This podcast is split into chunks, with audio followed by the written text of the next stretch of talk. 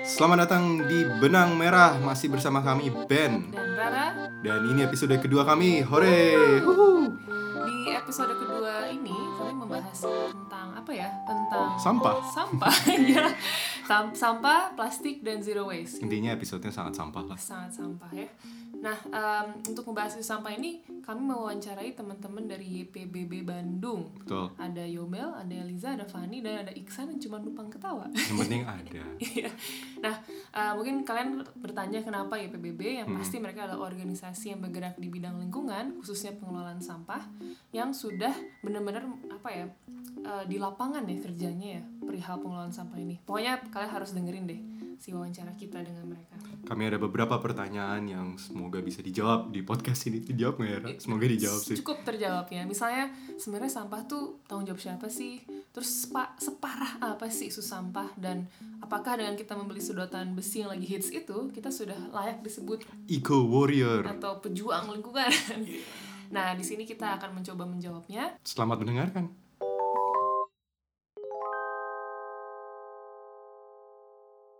Oke, hari ini em, adalah episode benang merah kedua. Serem banget eh, karena hari ini aku dan Ben ada di Bandung. Hore Adalah tempat Hooray. lahirku dan dengan suara-suara goib ya di sini. Biar rame biar rame, biar kelihatan kita nggak cuma ngomong sendiri ya. Em, hari ini kita akan ngebahas tentang sampah. Tapi podcast kita nggak sampah. Anjay. Padahal sampah juga. For sure ya Iya. Tapi kita bakal ngobrol tentang sampah karena sesuatu yang sangat dekat dengan kita ya sebenarnya. banget Iya. apalagi setelah kita kembali ke Indonesia wih gila sombong banget Iya. Padahal dari mana mas? Aduh. ya tapi benar sih um, nggak tahu kayak kita butuh konsultasi ke kalian jadi Eh bentar, kenalan dulu. oh iya Saya siapa? Ini siapa? saya siapa lupa benar Nah mungkin kita kita PBB kita akan ngobrolin sampah bersama teman-teman Ya. dari YPBB. Nah kita mungkin langsung kenalan aja ya siapa aja yang di sini Um, uh, dan mungkin apa ya kalian sibuk mengerjakan apa gitu. Nggak Oke. perlu apa status status Status. status. Oke dimulai yang, dari yang pasti YPBB apa dulu mas Iya, iya. Jadi kenalan dulu tuh YPB dulu. YPBB dulu deh Oh ya PBB. baru orang Singkat aja. Ya, jadi YPBB itu sebenarnya NGO ya bahasa bekennya. Eh, panjangannya Yayasan Pengembangan Bioscience. Biosains dan Bioteknologi. Kebetulan di zaman sekarang kita kita lagi masuk di isu sampah dan cukup intens gitu, baik di advokasi maupun implementasi di lapangan. Kurang lebih gitu. Oke. Nah sekarang kenalan. Nah, saya ternyata nama nama saya Yobel. Eh, saya di sini kerja udah dua tahunan di bidang advokasi dan kampanyenya, terutama di kebijakannya ya. Gitu. Terus Kalau saya Eliza sih, kalau lamanya sebenarnya udah dua tahun di YPBB, tapi eh, dua tahun kemarin fokusnya di lapangan. Jadi staff lapangan yang ngurusin project Zero Waste Cities yang campaign langsung ke masyarakat. Sekarang eh, jadi anak buahnya Yobel. Oh jadi kalau dari lapangan naiknya ya. ke anak buah Yobel ya? gitu sih, kita emang butuh aja kebetulan. Wow baik baik baik. Eh, saya Fani, saya setahun kemarin di eh, divisi kampanye advokasi, cuma awal tahun ini udah nggak YPBB lagi, tapi staf khusus kemarin ngerjain riset beberapa sama masih engage juga sama isu sampah, tapi nggak di YPBB. Oke berarti independen. Yap, Widih. Independent girl. tapi di bawah Yobel Sayangnya gitu. Di bawah Yobel ya. Tolong, tolong. udah mulai kelihatan hierarki Iya. memang ada. Di sini memang ada ya. Iya. Bagaimana mas? Terakhir saya Ihsan baru banget satu bulan masuk YPBB pembantu kantor. Jangan gitu dong. Yobel juga. Antum jangan begitu. Tadi kita udah jelas ya kita uh, wawancaranya sama siapa. Tapi ada Eliza yang lebih kenal lapangan, Nah, jadi iya. itu yang pembeda banget sih. ya kita nggak mau dengar kita mau dengar Yobel Karena dia pasti tahu konsep keseluruhannya Kamu gimana. melapor ke Yobel. Iya pasti. Iya, iya. Oke. Jadi hari ini kita bakal ngomongin sampah, tentang zero waste, tentang tentang plastik. Sampah. tentang tentang apa aja ya punya yang kita eh, bisa bahas dari mulai sampah ya. Ini sebenarnya gak soto sih, kita nggak tahu mau ngomongin apa aja kan Karena Iya. seperti biasa podcast kita ini sangat ke mana-mana Awalnya Karena konsepnya emang ngobrol ya. Iya, Maksudnya kalau kita ngobrol sama orang kita nggak pernah halo hari ini kita hanya akan mendiskusikan tentang A, B, C gitu kan. plus Waktu. sekarang kita juga disuguhin teh Kalian jadi para pendengar silakan memvisualkan teh enak Mm, ini adalah black tea dari kebun mereka. Wow. Dan molen terenak sekelurahan. Cukup kecil ya scope-nya, tapi baiklah. Ini pede Iya, saya suka rasa percaya diri anak-anak IPBB. Nah, jadi eh, sebenarnya isu sampah itu mulai mengganggu waktu kita ya beneran sih baru pulang dari New Zealand. Kan balik ke Bogor tuh ya. Nah, pas di Bogor kita tinggal sama eh, ibu mertua, berarti ibu Ben maksudnya. Ceritain Ben tentang keadaan sampah di sana yang sangat sampah itu. Jadi pas balik ya dari New Zealand Yang Indonesia sistemnya- sistemnya yang bisa, pokoknya kalau secara garis besar sangat dipermudah lah kalau misalnya kita ingin recycling, kita ingin misalnya composting dan lain sebagainya itu sampah. pemilah sampah itu udah semua disediakan oleh pemerintah. Jadi mereka intinya tinggal memberikan em, kantong plastik segala macam atau apa pun itu. Kantong sampah. Kantong sampah bukan kantong plastik, kantong sampah untuk kita pilah sendiri ntar sampah-sampah kita gitu. nanti mereka akan memprosesnya lalu zero waste tuh adalah istilah yang sangat normal gitu maksudnya composting itu tuh udah jadi keseharian jadi bukan hal yang unik lagi di sana nah pas di Indonesia kan ceritanya ah aku ingin mengimplementasikan apa yang sudah kulakukan di sana gitu. pas nyampe hmm tunggu bentar dimulai dari Bogor dulu ya Nah. kota Bogor nih ceritanya Ini kita hilaf intinya. kok bisa? Kok bisa hilang? Gimana ceritanya di sampah? kebanyakan eh, beli online enggak enggak enggak Nggak, nggak, tapi intinya sampah rumah tangga banyak waktu itu di rumah mertua gitu kan ya dari yang organik maupun yang anorganik itu benar gak sih oke gue benar benar oke Yeay, bahasa Indonesia gue semakin Ya, bagus. alhamdulillah. Ada peningkatan di episode kedua. ya udah tapi awalnya kita pengen sosok milah tapi yang kita telusuri setelah kita dalam bintang isu sampah di perumahan kita bukan has, bukan ternyata permasalahan bukan hanya sekedar pemilahan tapi permasalahan sampah in general Um, intinya pas ke rumah sampah kita itu nggak tahu dibuang ke mana. Dalam artian nggak tahu siapa yang ngangkut sampah kita. Akhirnya numpuk sampah kita di rumah kita sendiri.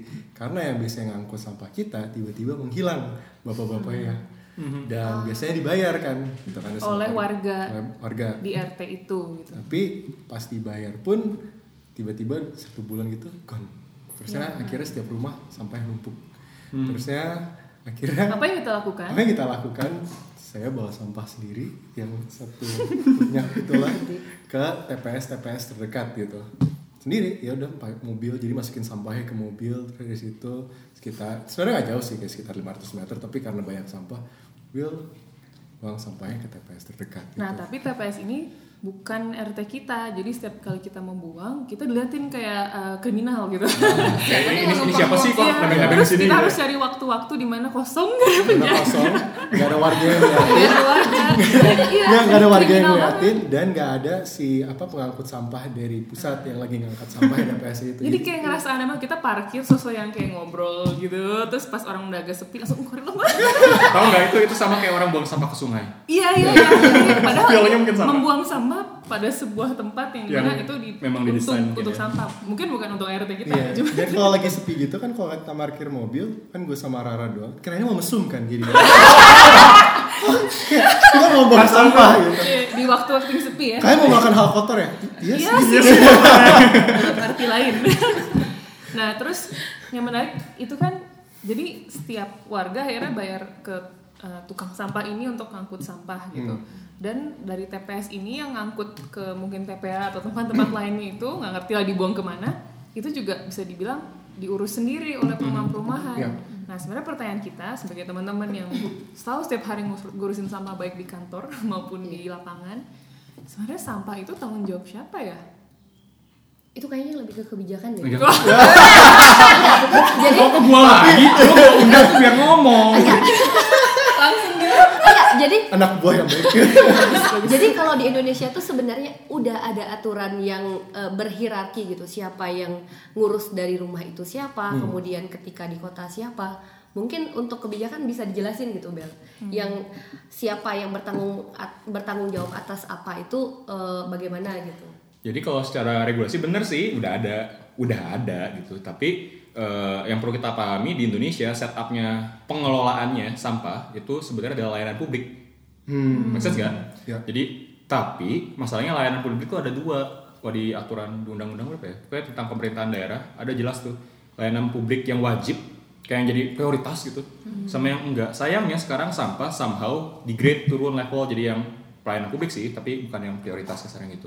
Sedangkan kalau air minum, makanya PDAM kan disubsidi. Karena memang dia salah satu setahu aku ya, eh, dia salah satu yang wajib. Jadi harus tuh eh, warga dapat pelayanan dasar yang eh, pelayanan dasar yang memang harus terpenuhi sampah, tidak masuk ke kategori itu. Dan berarti kan kalau pelayanan publik tanggung jawab pemerintah dong. Dan itu dipertegas di Undang-Undang Sampahnya UU 18 2008 yang ngejelasin setiap tier, apa sih tier bahasanya? Level ya. Pemerintah pusat, daerah itu tuh punya kewenangan yang berbeda gitu. Jadi contohnya kalau TPA eh, mostly itu jadi tanggung jawabnya bisa kota, bisa daerah tapi diperbantukan dananya oleh pemerintah pusat gitu. Ada dipegang provinsi kan? Ya dipegang provinsi. ya. Makanya kalau di Metro Bandung kita nggak punya TPA dalam kota karena nggak punya tempat. Akhirnya diberdayakan di level provinsi regional. Jadi ada yang pernah dengar mungkin Sari Mukti. Gitu. Sekarang yang mau yang baru mau Legok Nangka. Tapi itu di regional. Jadi sebenarnya kota masing-masing sekarang mostly nggak semua ya. Itu TPA-nya regional terutama di daerah Jawa. Hmm. Jadi tapi harusnya ini tuh nggak lumrah ya, di mana kita ngelola sampah sendiri gitu, kita bayar tukang sendiri. Harusnya menurut gua ya. Sih, level Nah, menurut gua enggak sih. Maksudnya eh, kan bayar kan ya kalau di komplek bayar. Nah, Iya. Berapa kita? Berapa? 80 ribu, 90 ribu gitu ya. 90 ribu. buat sampah semua gitu. Tapi biasanya 80.000 ribu itu Udah udah termasuk keamanan dan yang All lain in ya? Oh iya iya biasanya Jadi, all in gitu sih. eh, udah nyampur gitu ke masalah sampah. Sedangkan untuk biaya persampahan ini sendiri dia tuh berbeda gitu. Jadi memang kalau ini kita di lapangan ya. Jadi biasanya petugas kebersihan itu eh, kalau kita bilangnya petugas pengumpul ya, Mamang. mamang sampahnya.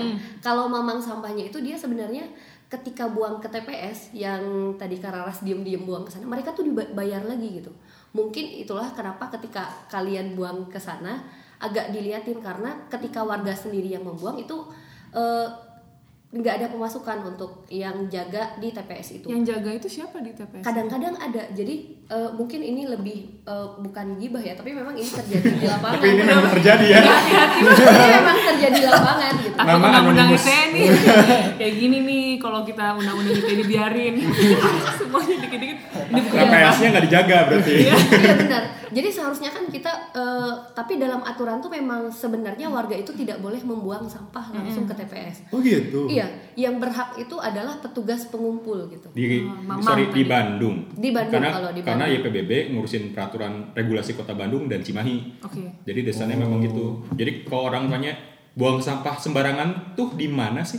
Kan nggak pernah di define sembarangan tuh di mana. Iya Tidak pada tempatnya, tempatnya emang di mana gitu kan. Iya. Jadi karena kita nggak mau sampahnya ke mana-mana, kita bilang sampah kalau nggak dibuang ke petugas sampah, yang pengumpul maksudnya, Mm-hmm. itu hitungannya liar. Iya.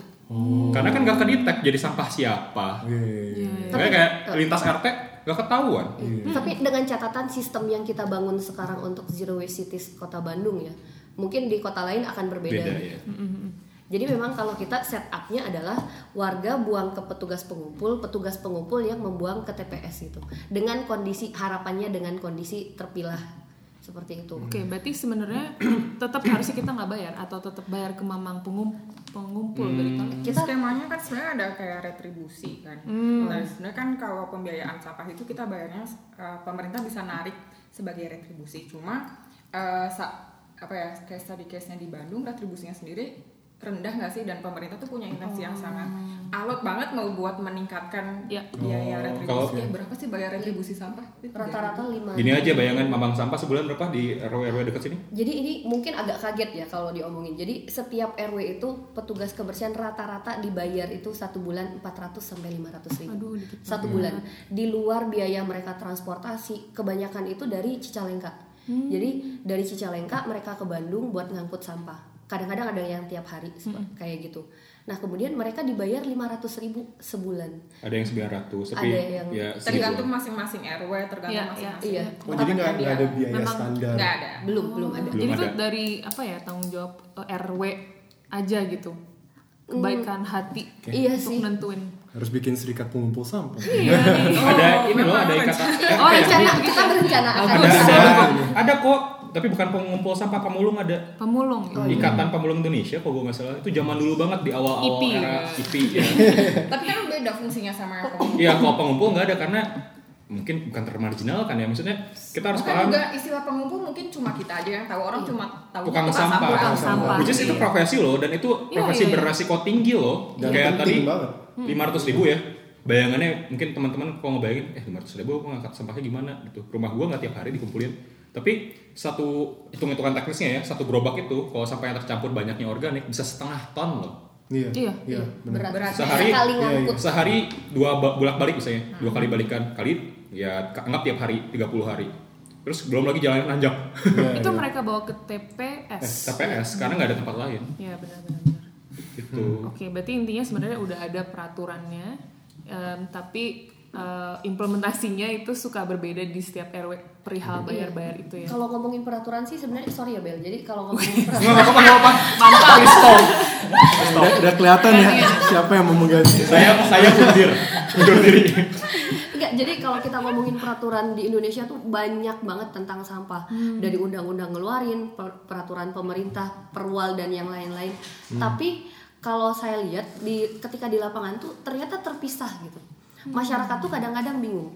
Di setiap peraturan itu pasti mengatakan ada sanksi ketika buang sampah sembarangan. Sembarangan. Iya. Tapi ketika ditanyain masyarakat siapa yang berhak untuk eh, kalau nggak pakai helm polisi ini siapa yang berhak menilang orang yang buang sampah sembarangan? Mamang sampah. Nah, kita sayang kita pengen Iya. sampah yang mengawas jadi sekarang tuh nggak ada gitu. Jadi maksudnya eh, dengan peraturan yang sangat banyak sekali ternyata ke masyarakat tuh nggak nyampe gitu. Akhirnya mereka tuh bingung gitu. Kalau kita agak maju ke depan misalnya masyarakat tuh masyarakat Indonesia tuh kalau dibilang nggak mau milah mau kok mereka mau milah kita eh, punya study case-nya di du- eh, RW 09 Sukaluyu ketika kita edukasi, ketika ka- kita kasih tahu dikasih sistem yang benar, ternyata tingkat pemilahannya tuh eh, rata-rata tuh 50% gitu. Malah ada yang eh, 80%. Ketika mereka tahu sampah mereka yang mereka pilah itu akan di eh, diolahnya ke mana. Jadi jelas gitu. Si si alur si sampahnya tuh eh, ya jelas gitu. Jadi kalau memang peraturan itu peraturan yang pemerintah buat sebanyak itu disampaikan ke masyarakat dengan sistem yang benar, ya insya Allah eh, masalah sampah akan selesai. Mungkin ya, mungkin seperti tapi itu. tapi kemarin gue sama Fani ngobrol tuh soal kayaknya kita sulit percaya ke pemerintah itu yang kejadian nggak cuma di sampah menurut gue tapi memang benar kayak mungkin baru pada baru tahu juga ternyata yang gue bayar uangnya tuh bukan ke Pemda loh RW Iya. dan mungkin orang banyak yang nggak tahu RW dan kelurahan tuh tidak masuk dalam strata pemerintahan daerah Iya. Oh iya iya. Iya, jadi kalau bilang paling rendah tuh kecamatan loh secara hukum. Hmm. Jadi makanya petugas RW kan di bawah Pak RW. Pak RW tuh nggak digaji secara formal. Iya benar. Jadi eh, petugas bayar ke RW, RW yang distribusin ke Pak Sapam, ke petugas sampah. Makanya kalau hilang ya memang karena Pak RW juga voluntary bisa dibilang. Iya iya. Jadi selama ini yang menyelamatkan kalau menurut gue ya eh, persampahan Indonesia tuh itu loh para pemulung sampah dan petugas sampah pemerintahnya sendiri kelabakan banget. Kita kayak ngegibahin pemerintah. Enggak enggak enggak. Kita kita memberitahu dan kita Kita mau membantu. Itu mengkritik Kita nah. kita itu- mengkritik itu ya, pen- oke. itu penting. Ya. penting. Gue kebayangkan acara gibah bukan bahaya. Sebagai warga negara wajib Wajib gitu. kita. Karena sampah tuh memang konsekuensinya besar ya. Sekarang pengen nanya deh kan kalian eh, lingkup kerjanya di Bandung ya dan sekitarnya lah bisa dibilang. Iya. Sebenarnya masalah sampah di Bandung tuh separah apa sih? Aku dulu waktu tinggal di Bandung pas kuliah tuh sempet ITB. sempet gak sih yang kayak BLS Bandung Banjir. Lautan Oh, iya. Sampah. Iya, Bandung lautan sampah Gua terus inget tapi gimana keadaan sekarang gitu sebenarnya? Nggak jauh beda. Wah, dari 2008 tidak jauh beda. Sebenarnya bukan gak jauh beda, mungkin orang-orang sekarang, gue nggak ngerti ya, ada satu fenomena sosial nih, ya salah satunya yang orang-orang mulai conscious, ayo dong kurangin plastik, walaupun kita harus paham ya, sampah itu nggak cuma plastik, yang paling banyak tuh organik loh, yang bikin bau, kotor, padahal organik banyak banyak edit value-nya.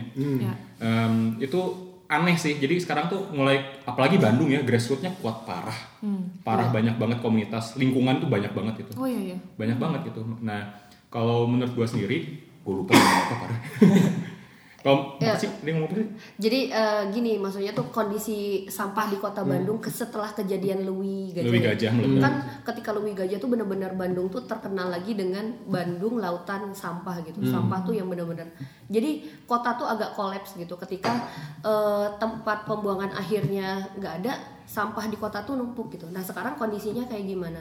Jadi kalau eh, yang saya lihat ya, jadi memang kondisinya tuh sebenarnya sama sama sama aja gitu. Di kota Bandung tuh eh, volume sampah tuh sehari 1.500 ton ya 300 Beratnya 1600 sekarang menuju 1700 Per hari. sehari. per hari. Jakarta kalau nggak salah 3000 sampai 5000 gue lupa. Nah, itu gila. Terus buangnya ke kota lain. Iya, Iya. kalau itu ya. Jadi yang digaris bawahi itu adalah kalau ketika 2008 mungkin tidak ada eh, kita anggap tidak ada pengolahan sama sekali. Kalau sekarang tingkat pengolahan atau pengurangan sampah di Kota Bandung berapa sih sebenarnya? Yang kenapa dibilang sama aja karena be- memang benar-benar ya kumpul angkut buang gitu. Jadi ketika waktu TPA Lewi Gajah eh, dia me- meledak ya. Jadi eh, ketika TPA Lewi Gajah dia meledak dengan sistem masyarakat yang kumpul angkut buang, sekarang masih sama sebenarnya. Rata-rata ya rata-rata di Kota Bandung tuh masih kumpul angkut buang. Yang pada akhirnya TPA penuh lagi gitu. Dulu kita di Lewi Gajah, kemudian kita di Sarimukti. Tahun 2020 kita akan pindah ke Legok Nangka. Jadi memang sama aja sebenarnya masih kumpul angkut buang. Eh, kalau si TPA-nya penuh kita akan mencari lahan-lahan yang potensial untuk kita berpindah gitu. Kayak gitu. Jadi memang apa ya Eh, tapi eh, beruntung banget sih kota Bandung sekarang ada Kang Pismannya gitu yang lagi naikin Kang banget Pisman tuh? Kang oh Pisman iya apa? benar jadi Kang Pisman tuh bukan orang Bukan orang. Bukan, bukan. Ini siapa ya? Belum pernah dengar. siapanya kang Solihun.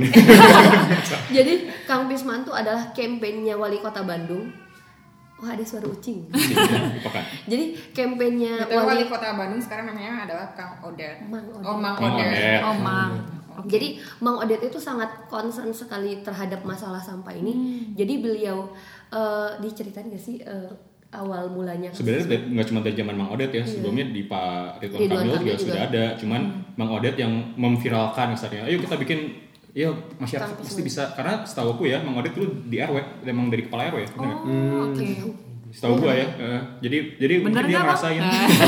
Pasti Bapak denger ya? ini. Jadi karena mungkin dia ngerasain juga gimana sebenarnya masyarakat tuh punya power loh Iya, dan harus dilibatkan. Terus oke kita bikin gerakan masyarakat yang namanya Kang Pisman. Yang nama itu sebenarnya udah ada di zaman eh, Pak RK Iya benar-benar. Kangnya. Apa singkatannya? Kurangi, eh, pisnya tuh pisahkan, mannya tuh manfaatkan. Jadi benar-benar campaign itu pemilahannya dari sumber. Jadi Kota Bandung ini sekarang lagi menerapkan 8 model kelurahan untuk menerapkan sistem yang eh, Kang Pisman ini. Jadi mengurangi dari sumber, memilah dari sumber dan memanfaatkan dari sumber.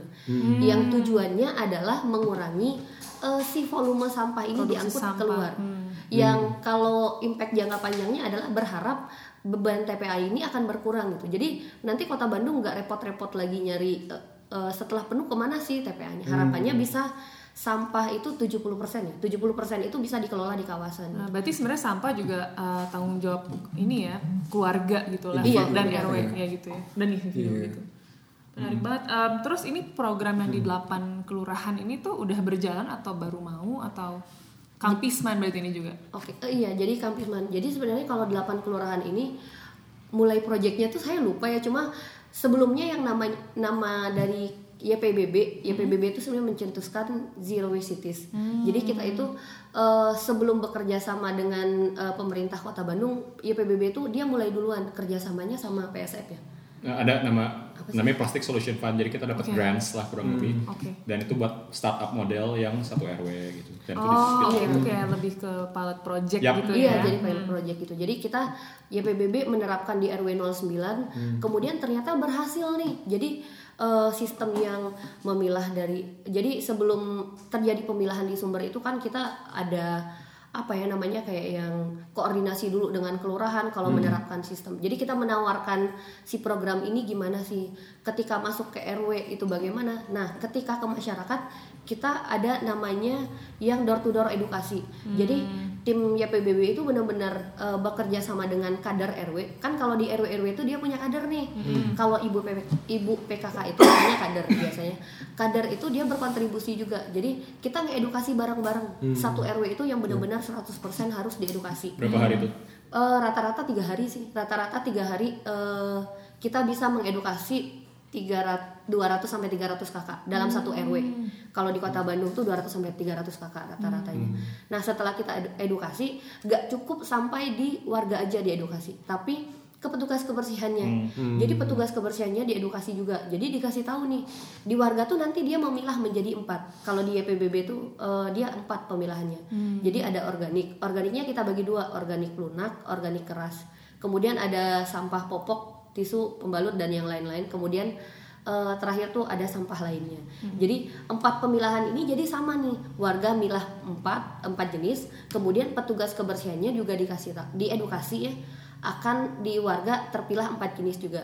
Nah, eh, yang khasnya dari petugas kebersihan ini adalah ketika dulu sebelum menerapkan sistem ini mereka punya gerobak dengan eh, satu ruang. Kalau sekarang Mereka bagi. eh, jadi mereka bagi gitu. gerobaknya. Jadi YPBB bukan menyediakan, jadi meminjamkan gitu, meminjamkan wadah-wadah untuk menampung sampah terpilah. Jadi memang kalau organik eh, harus sebenarnya ada SOP sih kalau memang ini. Jadi kalau organik harus tertutup dan yang lain-lain. Intinya adalah sinkron nih antara warga milah kemudian eh, petugas kebersihannya juga memilah. Sampah-sampah yang sudah terpilah ini sebelum dilakukan implementasi juga eh, kita urusin dulu nih si sampah ini mau dikemanain sih? Kalau memang si kelurahan atau RW itu punya kebetulan ya di RW 09 tuh dia punya taman. Jadi RW-nya memanfaatkan taman untuk eh, ada lubang kompos ada biodigester gitu. Jadi memang diolah di kawasan. Nah ternyata eh, singkat cerita berhasil lah. Bukan berhasil sih maksudnya berjalan lah si sistem ini. Sampah Eh, kebetulan saya yang nganalisis juga waktu itu. Awalnya tuh eh, sehari itu 300 kilo sampah di RW 09 kemudian dilakukan penerapan sistem ternyata eh, dari hasil risetnya itu 40 46% kalau nggak salah warga yang memilah. Dari 46 46% warga memilah itu ternyata eh, RW 09 tuh mampu mengurangi sampah hampir 100 kilo sehari. Wow, jadi, warga mampu mengurangi Iya. sampah 100 kilo. Iya, kalau mengurangi itu kan ada yang mengurangi dari sumber, ada Iya. yang terjadi pengolahan. Jadi memang sampah ternyata sampah di RW 09 itu per hari bisa diolah eh, 100 kilo. Jadi yang awalnya eh, petugas RW 09 itu dia tiap hari buang sampah ke TPS dan bayar, itu bayar ya 25.000. Tapi setelah ini berjalan eh, eh, lebih oh kadang-kadang dua hari sekali gitu. Jadi impact impactnya itu bukan hanya terhadap kota gitu, tapi memang eh, petugas kebersihannya juga mendapatkan impact yang eh, besar sih kalau menurut saya pertama yang memang ngangkutnya nggak berat, kemudian waktu beliau ke TPS Juga nggak harus eh, sering-sering bayar. Iya, jadi nggak sering bayar. Kemudian, nah kalau ke TPS itu nggak yang kita ke TPS terus buang, itu bisa antrinya 8 jam, Oh, gitu. 3 jam. Itu gerobak Kayak ke dokter kulit ya. Iya benar.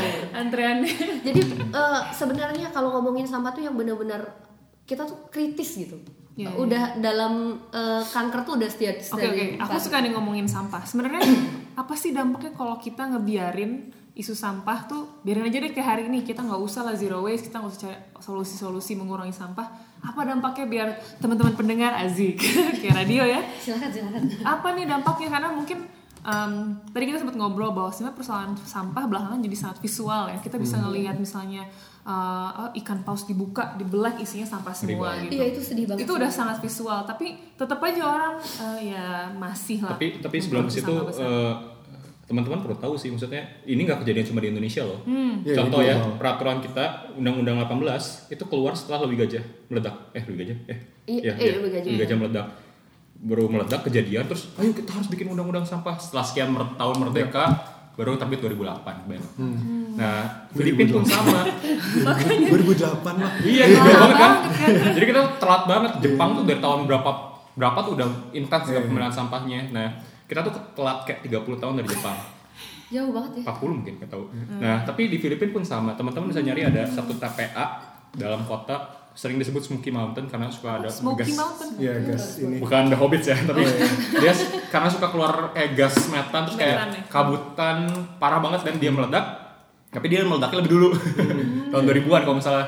Jadi keluar undang-undangnya RA 9003 itu kalau nggak salah tahun 2000 sekian langsung cepat dan gara-gara itu kita kan sebenarnya nyontek dari bukan nyontek kita belajar dari model Filipina. Oh, Oke. Nah, yang sebenarnya kayak kondisinya juga 11-12 sama Indonesia kan kondisi iya. masyarakatnya cuma yang beda memang sistem pemerintahannya aja di sana Betul. yang daerahnya kayak lebih advance daripada di sini Oh gitu. Dan sebenarnya itu sih yang pengen disentuh kayak um, kan soalnya kalau isu sampai Indonesia sering kali masyarakat yang miskin yang sering kali disalahkan atau yang mereka bahkan yang sebenarnya terkena dampaknya karena balik lagi tadi kan kalau misalnya harus ada um, memang sampah dibayar apakah masyarakat bawah itu mau juga membayar dan itu kita jadi sedikit refleksi kayak misalnya di komplek kita kita sebelah kita ada kampung persis Um, dan itu mereka ada gunung sampah. Kita jadi mikir apakah emang nggak ada orang yang mengangkat sampah di mereka kah atau emang mereka tidak mampu membayar orang untuk mengangkat sampah itu gitu kan. ya.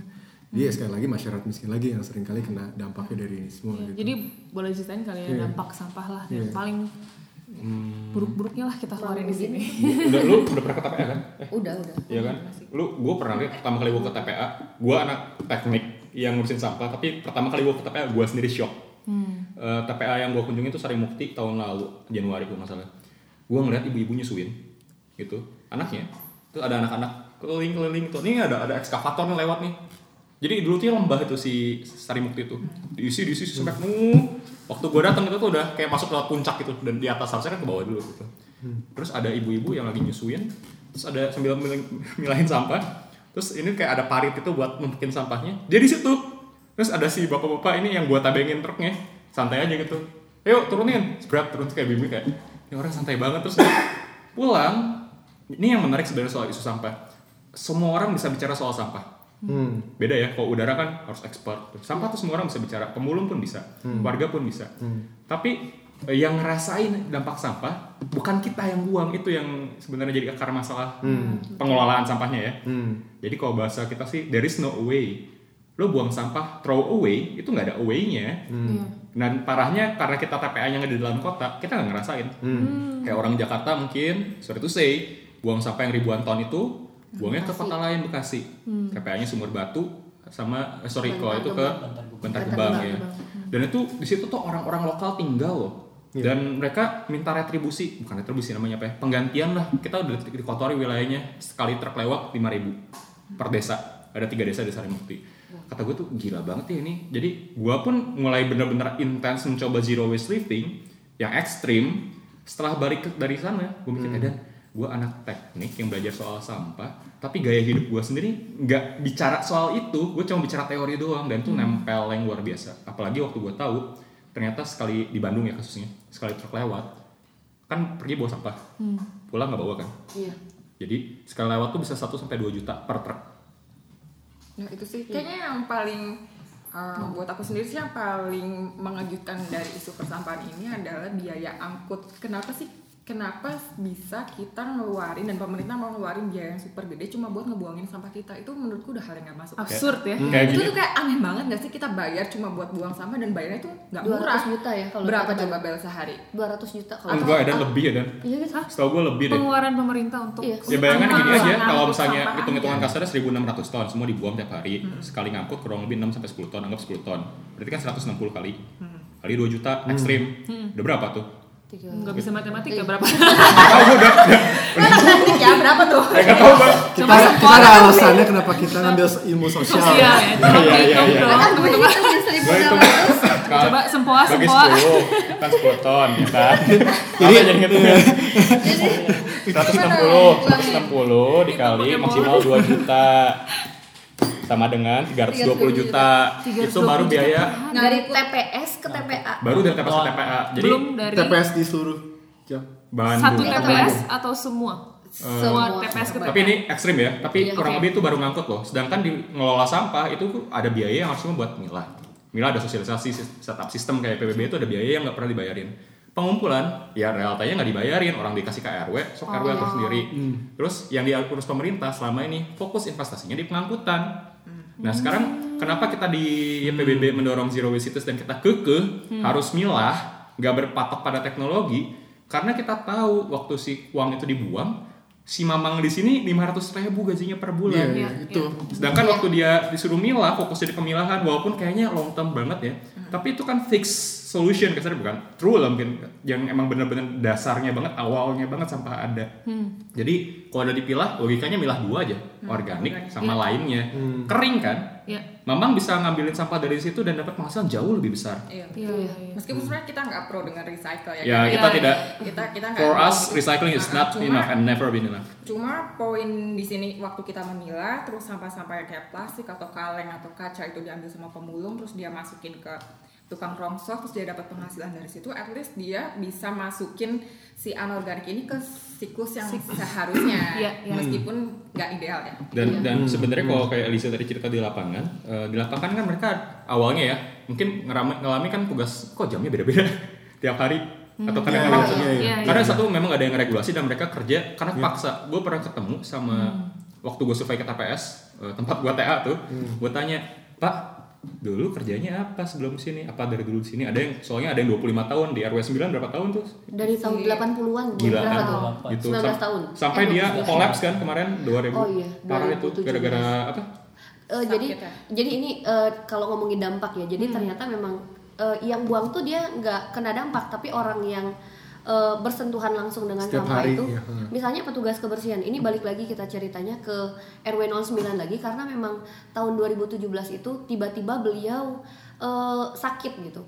Dan ketika diperiksa ke dokter eh, ada penumpukan cairan di otaknya. Dan itu disebabkan oleh mungkin gas metan ya dari sampah karena sampahnya tidak tercampur.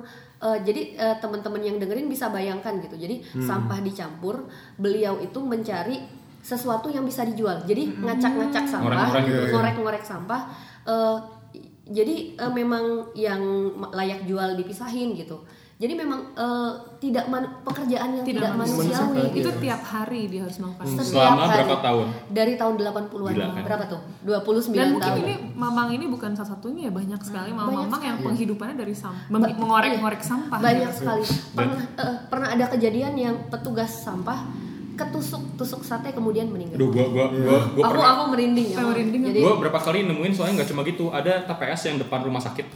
Satu rumah Iya. sakit kota Bandung yang dulu masih ngaco banget. Jadi jarum suntik masih dibuang situ. Iya, karena memang harusnya asal. limbah medis beda Iya, baunya iya. tapi karena belum ada fasilitasnya dia kesuntik jarum bekas. Ya maksudnya dia nggak sakit sih kata dia. Cuman gue kebayang itu possibility-nya gede Iya loh. hepatitis HIV uh. gara-gara ngurusin sampah yang dibayar cuma lima ratus ribu. Menurut gue eh, sangat tidak humanis iya benar sangat tidak humanis nah tapi sekali lagi nunjukin bahwa masyarakat yang, yang masyarakat yang kelas bawah yang Betul. sekali lagi kena Korban dampaknya kan. ini. Betul. benar benar benar gitu makanya waktu gua ke TPS yang tempat gua tugas akhir itu dulu gua nanya dulu "Eh, bapak kerjanya apa? Saya dulu D3 elektro. Wah, kata gua gila kok eh, bapak bapak kok bisa ke sini soalnya dia sama anaknya kerja. Oke. banyak ya pola gitu ya di lapangan ya Jadi bapak sama Iya, anak kelihatan. bareng-bareng. turun temurun gitu jadi kayak kerjaan muda turun kan. temurun gitu. Eh, ya saya nggak ada kerjaan lain saya dipecat di PHK nggak ada kerjaan lain saya terpaksa jadi ini. Jadi seolah-olah petugas sampah ini kan tadi layanan publik ya Iya. harusnya dilakukan secara profesional. Iya. Iya. Tapi eh, ya udah siapa yang butuh kerjaan terpaksa kerja di sini dan pemerintah tidak sanggup intervensi karena ada masalah kelembagaan. Karena begitu lo ngomong harus jadi tenaga kerja khusus berarti harus ada alokasi budget ya, budget. Iya, dan buat mengalokasikan budget sampah tuh kan lu bayangin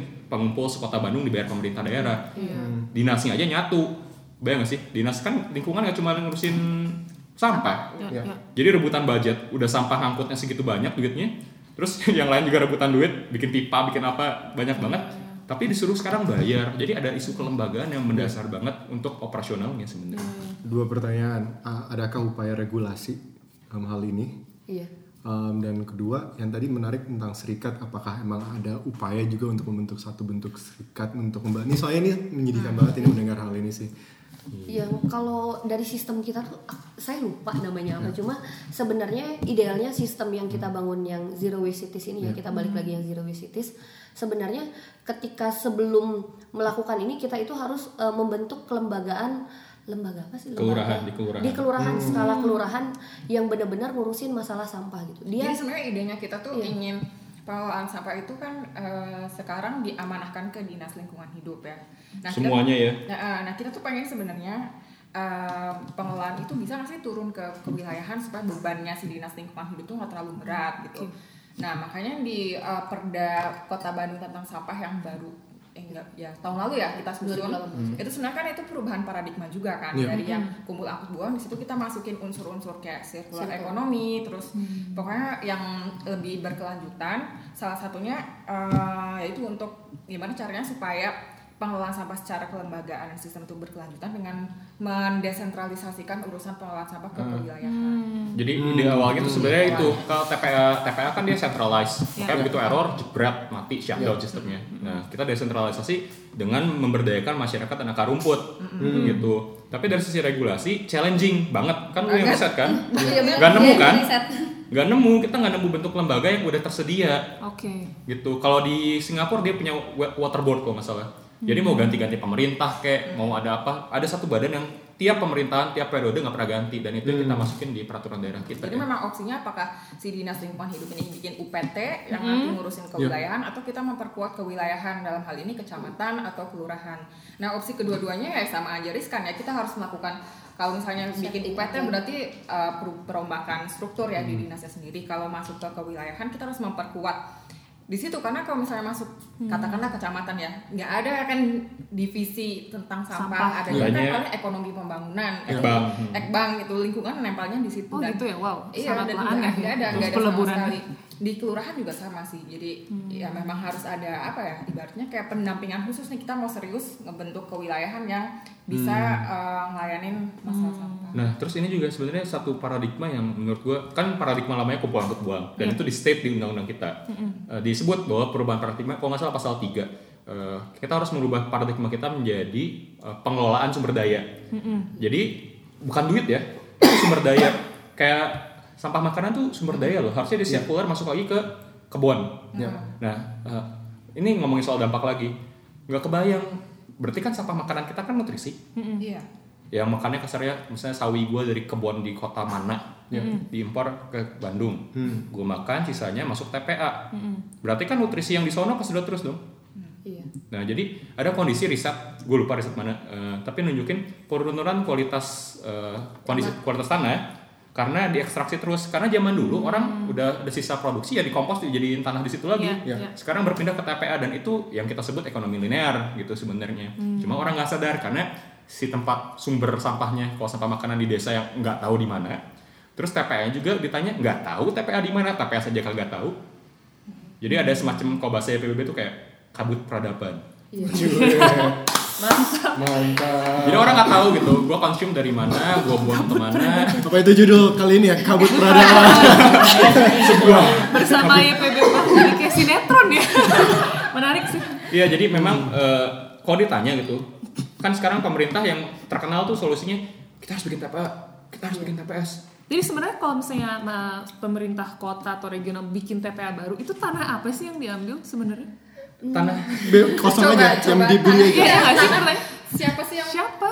siapa yang mau eh, Tanahnya. tetanggaan sama Sama- TPA iya. atau Iya. tanahnya Iya. dibeli buat TPA kayak Akhirnya kan sebenarnya ma- masyarakat apa kampung kota atau Betul. apa nih yang Saya yang pasti kan? nggak mungkin bikin di kelapa gading atau ya.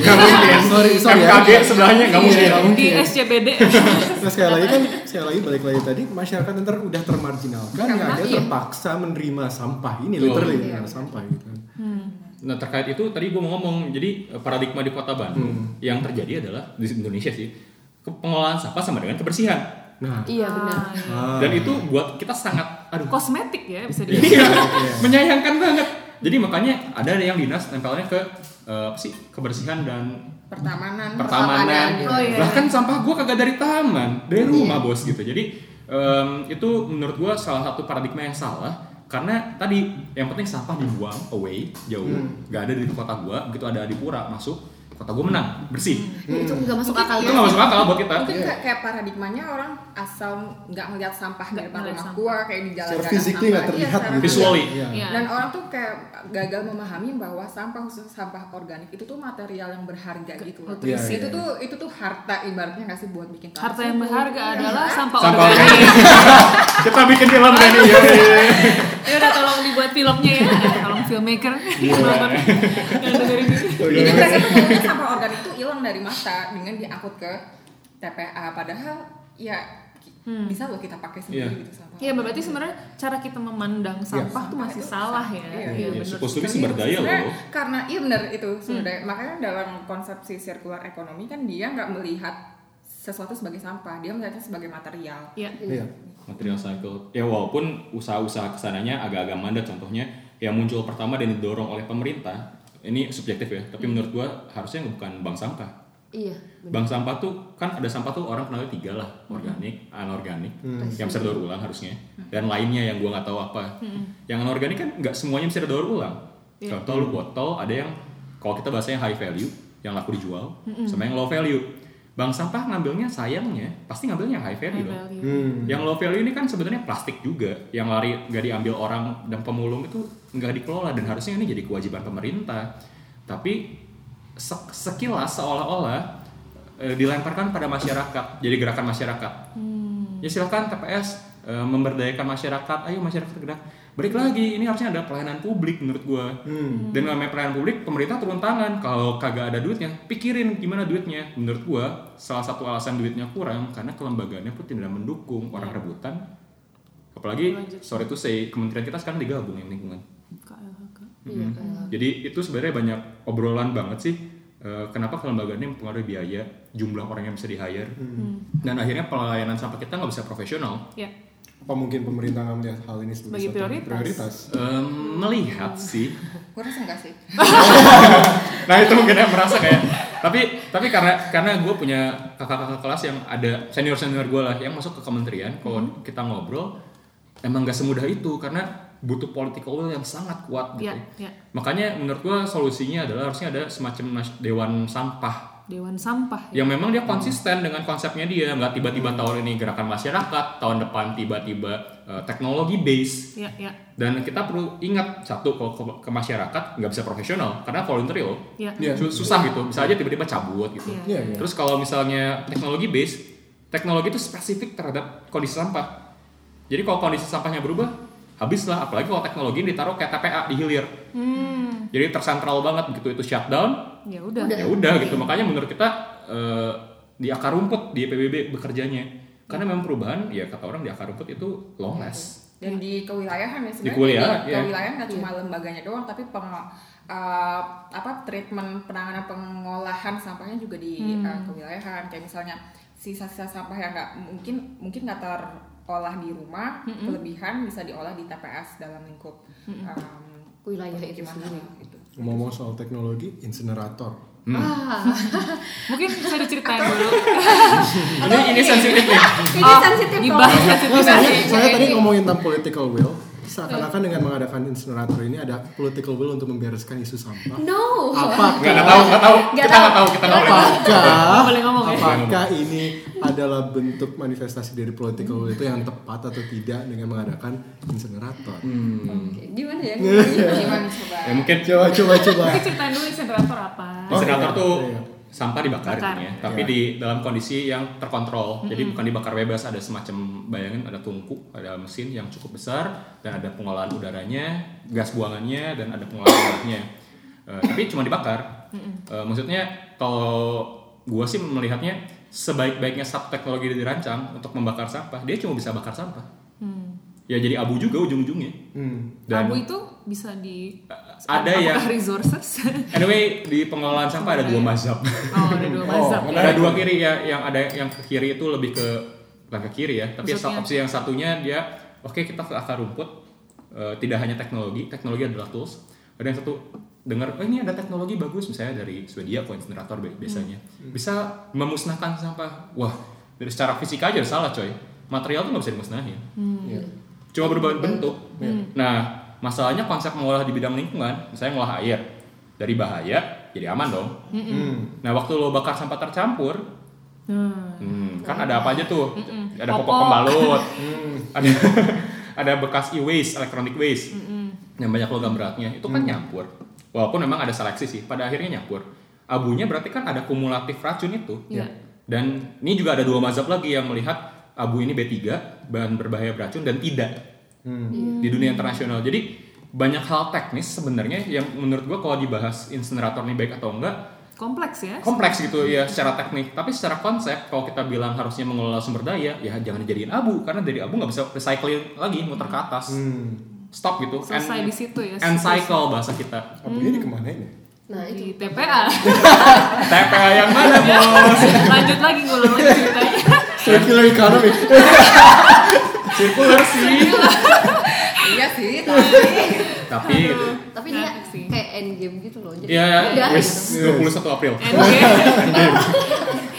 tapi gini sih mungkin ya insenerator itu kadang banyak juga sih yang nanya emang buruk ya insenerator orang kan bisa uh, sampah yang udah terlanjur ada tuh diapain gitu. Iya, jadi kayak iya. ibaratnya uh, ada dua sih kayak tadi Yobel bilang ya antara orang yang main di hulu dan orang yang main di hilir mungkin orang yang main di hilir itu yang dia mengajukan insenerator tuh orang-orang yang desperate ya kayak melihat sampah yang Udah- udah ada udah- udah bahaya banget, gimana itu sih kayak Iya. ya Iya, mesti gimana ya kita nggak ada opsi lain ya Dan dan wajar. benar Udah menggunung Kayak, sampahnya juga. mau diapain lagi bingung nah cuma uh, pendekatan dilakukan YPBB dan kawannya kita tidak tidak apa ya, mengupayakan sesuatu yang udah di luar kendali kita gitu ibaratnya Hmm. sampah yang udah ada di laut sampah yang ada di tanah yang udah Sungai. eh, di sungai di mana pun itu akan costnya gede banget buat ngurusin itu loh Iya. kenapa kita nggak fokus ke sesuatu yang lebih sifatnya preventif Hmm. sesuatu Hmm. yang budgetnya mungkin bisa ditekan tapi Ya. itu lebih long lasting gitu makanya menggerakkan YPBB dan kawan-kawannya itu pada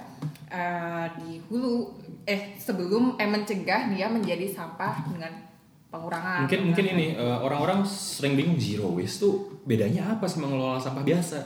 Menurut gue yang bikin beda, gue sendiri mengalami perdebatan dengan rekan-rekan yang bekerja di bidang yang sama karena ada perbedaan scope melihat satu masalah. Ya mungkin harus ceritain dulu nih ke teman-teman pendengar. Dari tadi kan kita ngomong zero waste city, zero waste mungkin belum terlalu uh, kenal ya sama istilah zero waste dan mau belajar di sini. Zero waste apa kalau dari kalian? Dan apa bedanya sama tadi apa pemil- pemilahan sampah ya tadi? Hmm, jadi eh, zero waste itu ada di Zero Waste International Alliance mereka ngeluarin definisi intinya zero waste itu adalah tujuan. Jadi arah besarnya ke mana? Ke kanan atau ke kiri gitu. Nah kurang lebih tujuan tujuan besar bahwa kita pengen nggak ada sampah. Karena begitu nggak ada sampah, eh, begitu ada sampah sebenarnya itu ada ketidak efisienan sistem Ya. di pola ekonomi kita. Gitu. Jadi nyambung ke ekonomi nih. Jadi kelihatan kan zero waste itu skupnya sampai ekstraksi material loh. Ya. Ekstraksi, produksi, distribusi, baru di hilir ada yang namanya pengelolaan sampah. Nggak cuma sedotan Hmm, gitu. nggak cuma sedotan Nggak doang. Cuma sedotan Instagram ya. ya, yang warna-warni. yang kalau pas minum jadi dingin yang, semua- yang semuanya beli di Alibaba. Aduh, tapi anyway zero waste itu sebenarnya bisa dibilang filosofi, tapi dia juga cara, tapi lebih ke tujuan sih menurut gua. Oke. Karena eh, isu dari sampah, kita perlu paham sampah itu adalah akibat dari kita mengkonsum sesuatu, gitu, dan memproduksi sesuatu. Nah, kalau pengolahan sampah kasarnya gini, sok lah, gue kasih sampah ke gue, gue handle biar nggak lepas ke lingkungan. Jadi semacam goalsnya tuh di situ, Di, cuman di tahap akhir itu ditangani, aja. ditangani di tahap ini biar nggak lepas ke lingkungan. Makanya Oke. pendekatannya TPA dikumpulkan, nggak salah, memang perlu. Tapi sebenarnya kalau dilihat akar masalahnya dari sampah sendiri pola ekonomi loh. Ya. waktu lo consume lebih banyak makanya keluar kan conscious living. Slow living. slow living slow fashion, Slow fashion. minimalism. Ada irisannya cuman kalau ngelihat lebih ke di zero kita paham bahwa kita tuh mengekstrak sesuatu dari suatu tempat yang kita nggak tahu dan itu punya dampak. Contoh story ya. Eh, sampah makanan. Makanan gitu tepatnya makanan buat diproduksi nyampe meja kita itu tuh kayak ada storynya loh. Petani ngebuang berapa lama air Jejak berapa lama. ekologis. Wih, ya, jadi kita jejak ekologis ya. jejak tapi terlalu berat. Loh Oh ya benar. intinya ada ada satu dampak yang dihasilkan karena lo pakai air pakai sinar matahari mamangnya dibayar. Ini nyata nyambung juga loh petugas petani eh petani. Ya. hmm. harganya rendah loh. Iya. karena ada pola ekonomi gitu. Dan kita mau address itu. Jadi begitu pola ekonominya berubah kita berubah jadi yang reusable terus mengurangi sebanyak mungkin sampah makanan itu tuh geraknya di hilir. Masalahnya ini tidak terlihat sama orang umum si kabut tadi loh. Kabut peradaban Kabut tadi ya. peradaban, peradaban. Kalau peradaban jejak ekologis, oke. ya karena nggak terlihat orang nggak tahu makanya kita selalu bilang there is no way kalau ke hilir ya larinya nggak ada way loh kalau lu buang sampah tapi orang juga nggak nyadar sampah gua tuh punya dampak apa dan Ya. ternyata kita kan katanya loh ada satu report namanya IPCC Ya. tentang climate intinya National Panel on Climate Change. ya. eh, tinggal 11 tahun lagi loh kita 2 derajat Celcius naik Hmm. globally. Dan 1,5 tuh kita udah mulai masuk tipping point. Ya. Dia artinya kita udah mau terjun bebas. Oke. Menuju 2 derajat kita terjun bebas loh. Terjun bebas tuh maksudnya apa nih? Eh, si sumber daya alam kita tuh collapse. Collapse. Pernah ngebayangin gedung runtuh? Kan nggak tiba-tiba pelan-pelan. Pernah kebetulan di Jakarta baru-baru ini. ya ada tuh lantai gedung B- BEJ. Iya apa tuh? Iya. Iya. Ya, itu Tapi anyway, ya, ya. kan? Anyway si Nggak- nggak- nggak kalau namanya sih. sesuatu collapse atau runtuh, dia tuh tiba-tiba. Iya. Ya. kagak pelan-pelan ngasih, oh gue mau runtuh nggak gitu. Nah sekarang sumber daya kita itu bahkan ka- kalau teman-teman yang kerja di bidang uh, renewable energy, Ya. minyak bumi kita tuh tinggal berapa puluh tahun lagi kok, nggak nyampe 100 tahun Ya. gitu. Dan waktu itu collapse, ekonomi collapse Ya. Hmm. gitu. Jadi collapse itu cepat banget. Nah pemerintah kita masih melihat uh, sesuatu yang nggak, maksudnya kan 11 tahun ya define nih. 11 tahun berarti kalau mau uh, true solution, true solution sekalian. Jangan setengah-setengah, Ya. jangan berkompromi. Ada yang ya udah kita biofuel. Biofuel juga ada pro and cons ya nggak nggak Ya, benar-benar kanan atau benar-benar kiri. Kalau kita bilang "Oh, kita mau stop plastik nggak cuma recycling gitu. Hmm. Ya. Karena recycling juga punya target katanya menurut report 2050 itu empat kali lipat dari 2017 produksi plastik global Wow. plastiknya ya. Jadi perusahaan petrochemicals, eh, minyak mentah itu tuh berlomba di situ makanya muncul shale oil. Gitu. Yang biar tetap bisa produksi. Berarti kan kalau kita mau bilang recycling itu cukup, nyatanya enggak. Lu kan bikin nge-recycling s- barang sampai 100% kan butuh effort. Ya.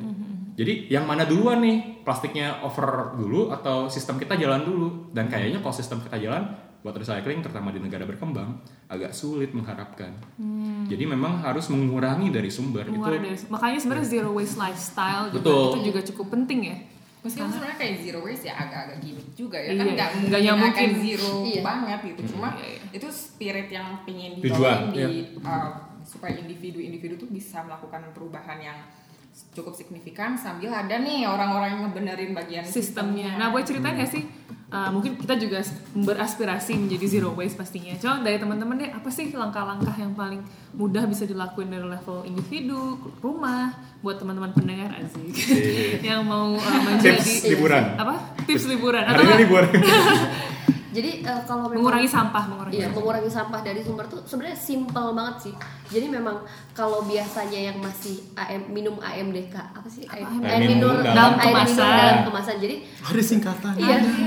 Padahal minum botol. Botol. Oh iya, biar nggak botol itu. Eh. Nah, jadi eh, misalnya sekarang tuh ya mulai bawa, ke mana-mana bawa tumbler, kemudian ke mana-mana bawa misting gitu. Jadi ketika pengen jajan cilok tuh kita nggak pakai plastik Cilok ya? lagi. Gitu. Cilok, Cilok harus banget. hanya untuk cilok ya. Sendiri. Bandung banget nih. Iya, jadi maksudnya kalau emang mau jajan apa pun itu, jadi kita misalnya mau beli nasi padang Iya. atau apa pun, jadi kita bisa pakai misting kita sendiri. Iya, oke. Jadi yang benar-benar eh, kita harus ingat lagi bahwa pakai sedotan stainless itu aja nggak cukup. Jadi yang benar-benar apa ya kayak yang ya kita harus menggunakan barang-barang yang reusable itu loh. Jadi untuk mencegah kita meng- eh, menghasilkan sampah sebenarnya.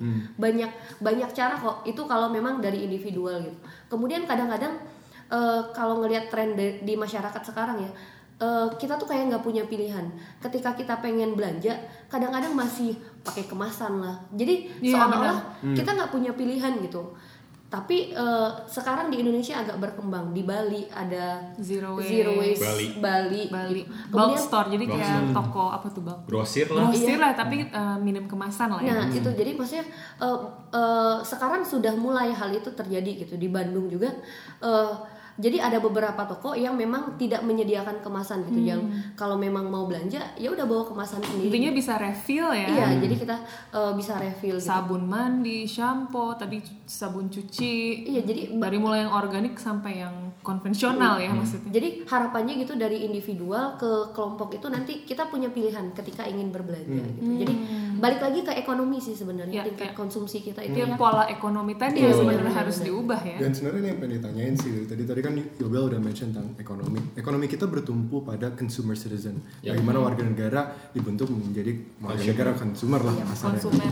Nah pertanyaan yang mungkin sangat bodoh dan tapi sering ditanyakan juga oleh orang adalah kalau misalnya kita go zero waste lifestyle, bukankah ekonomi kita juga akan runtuh?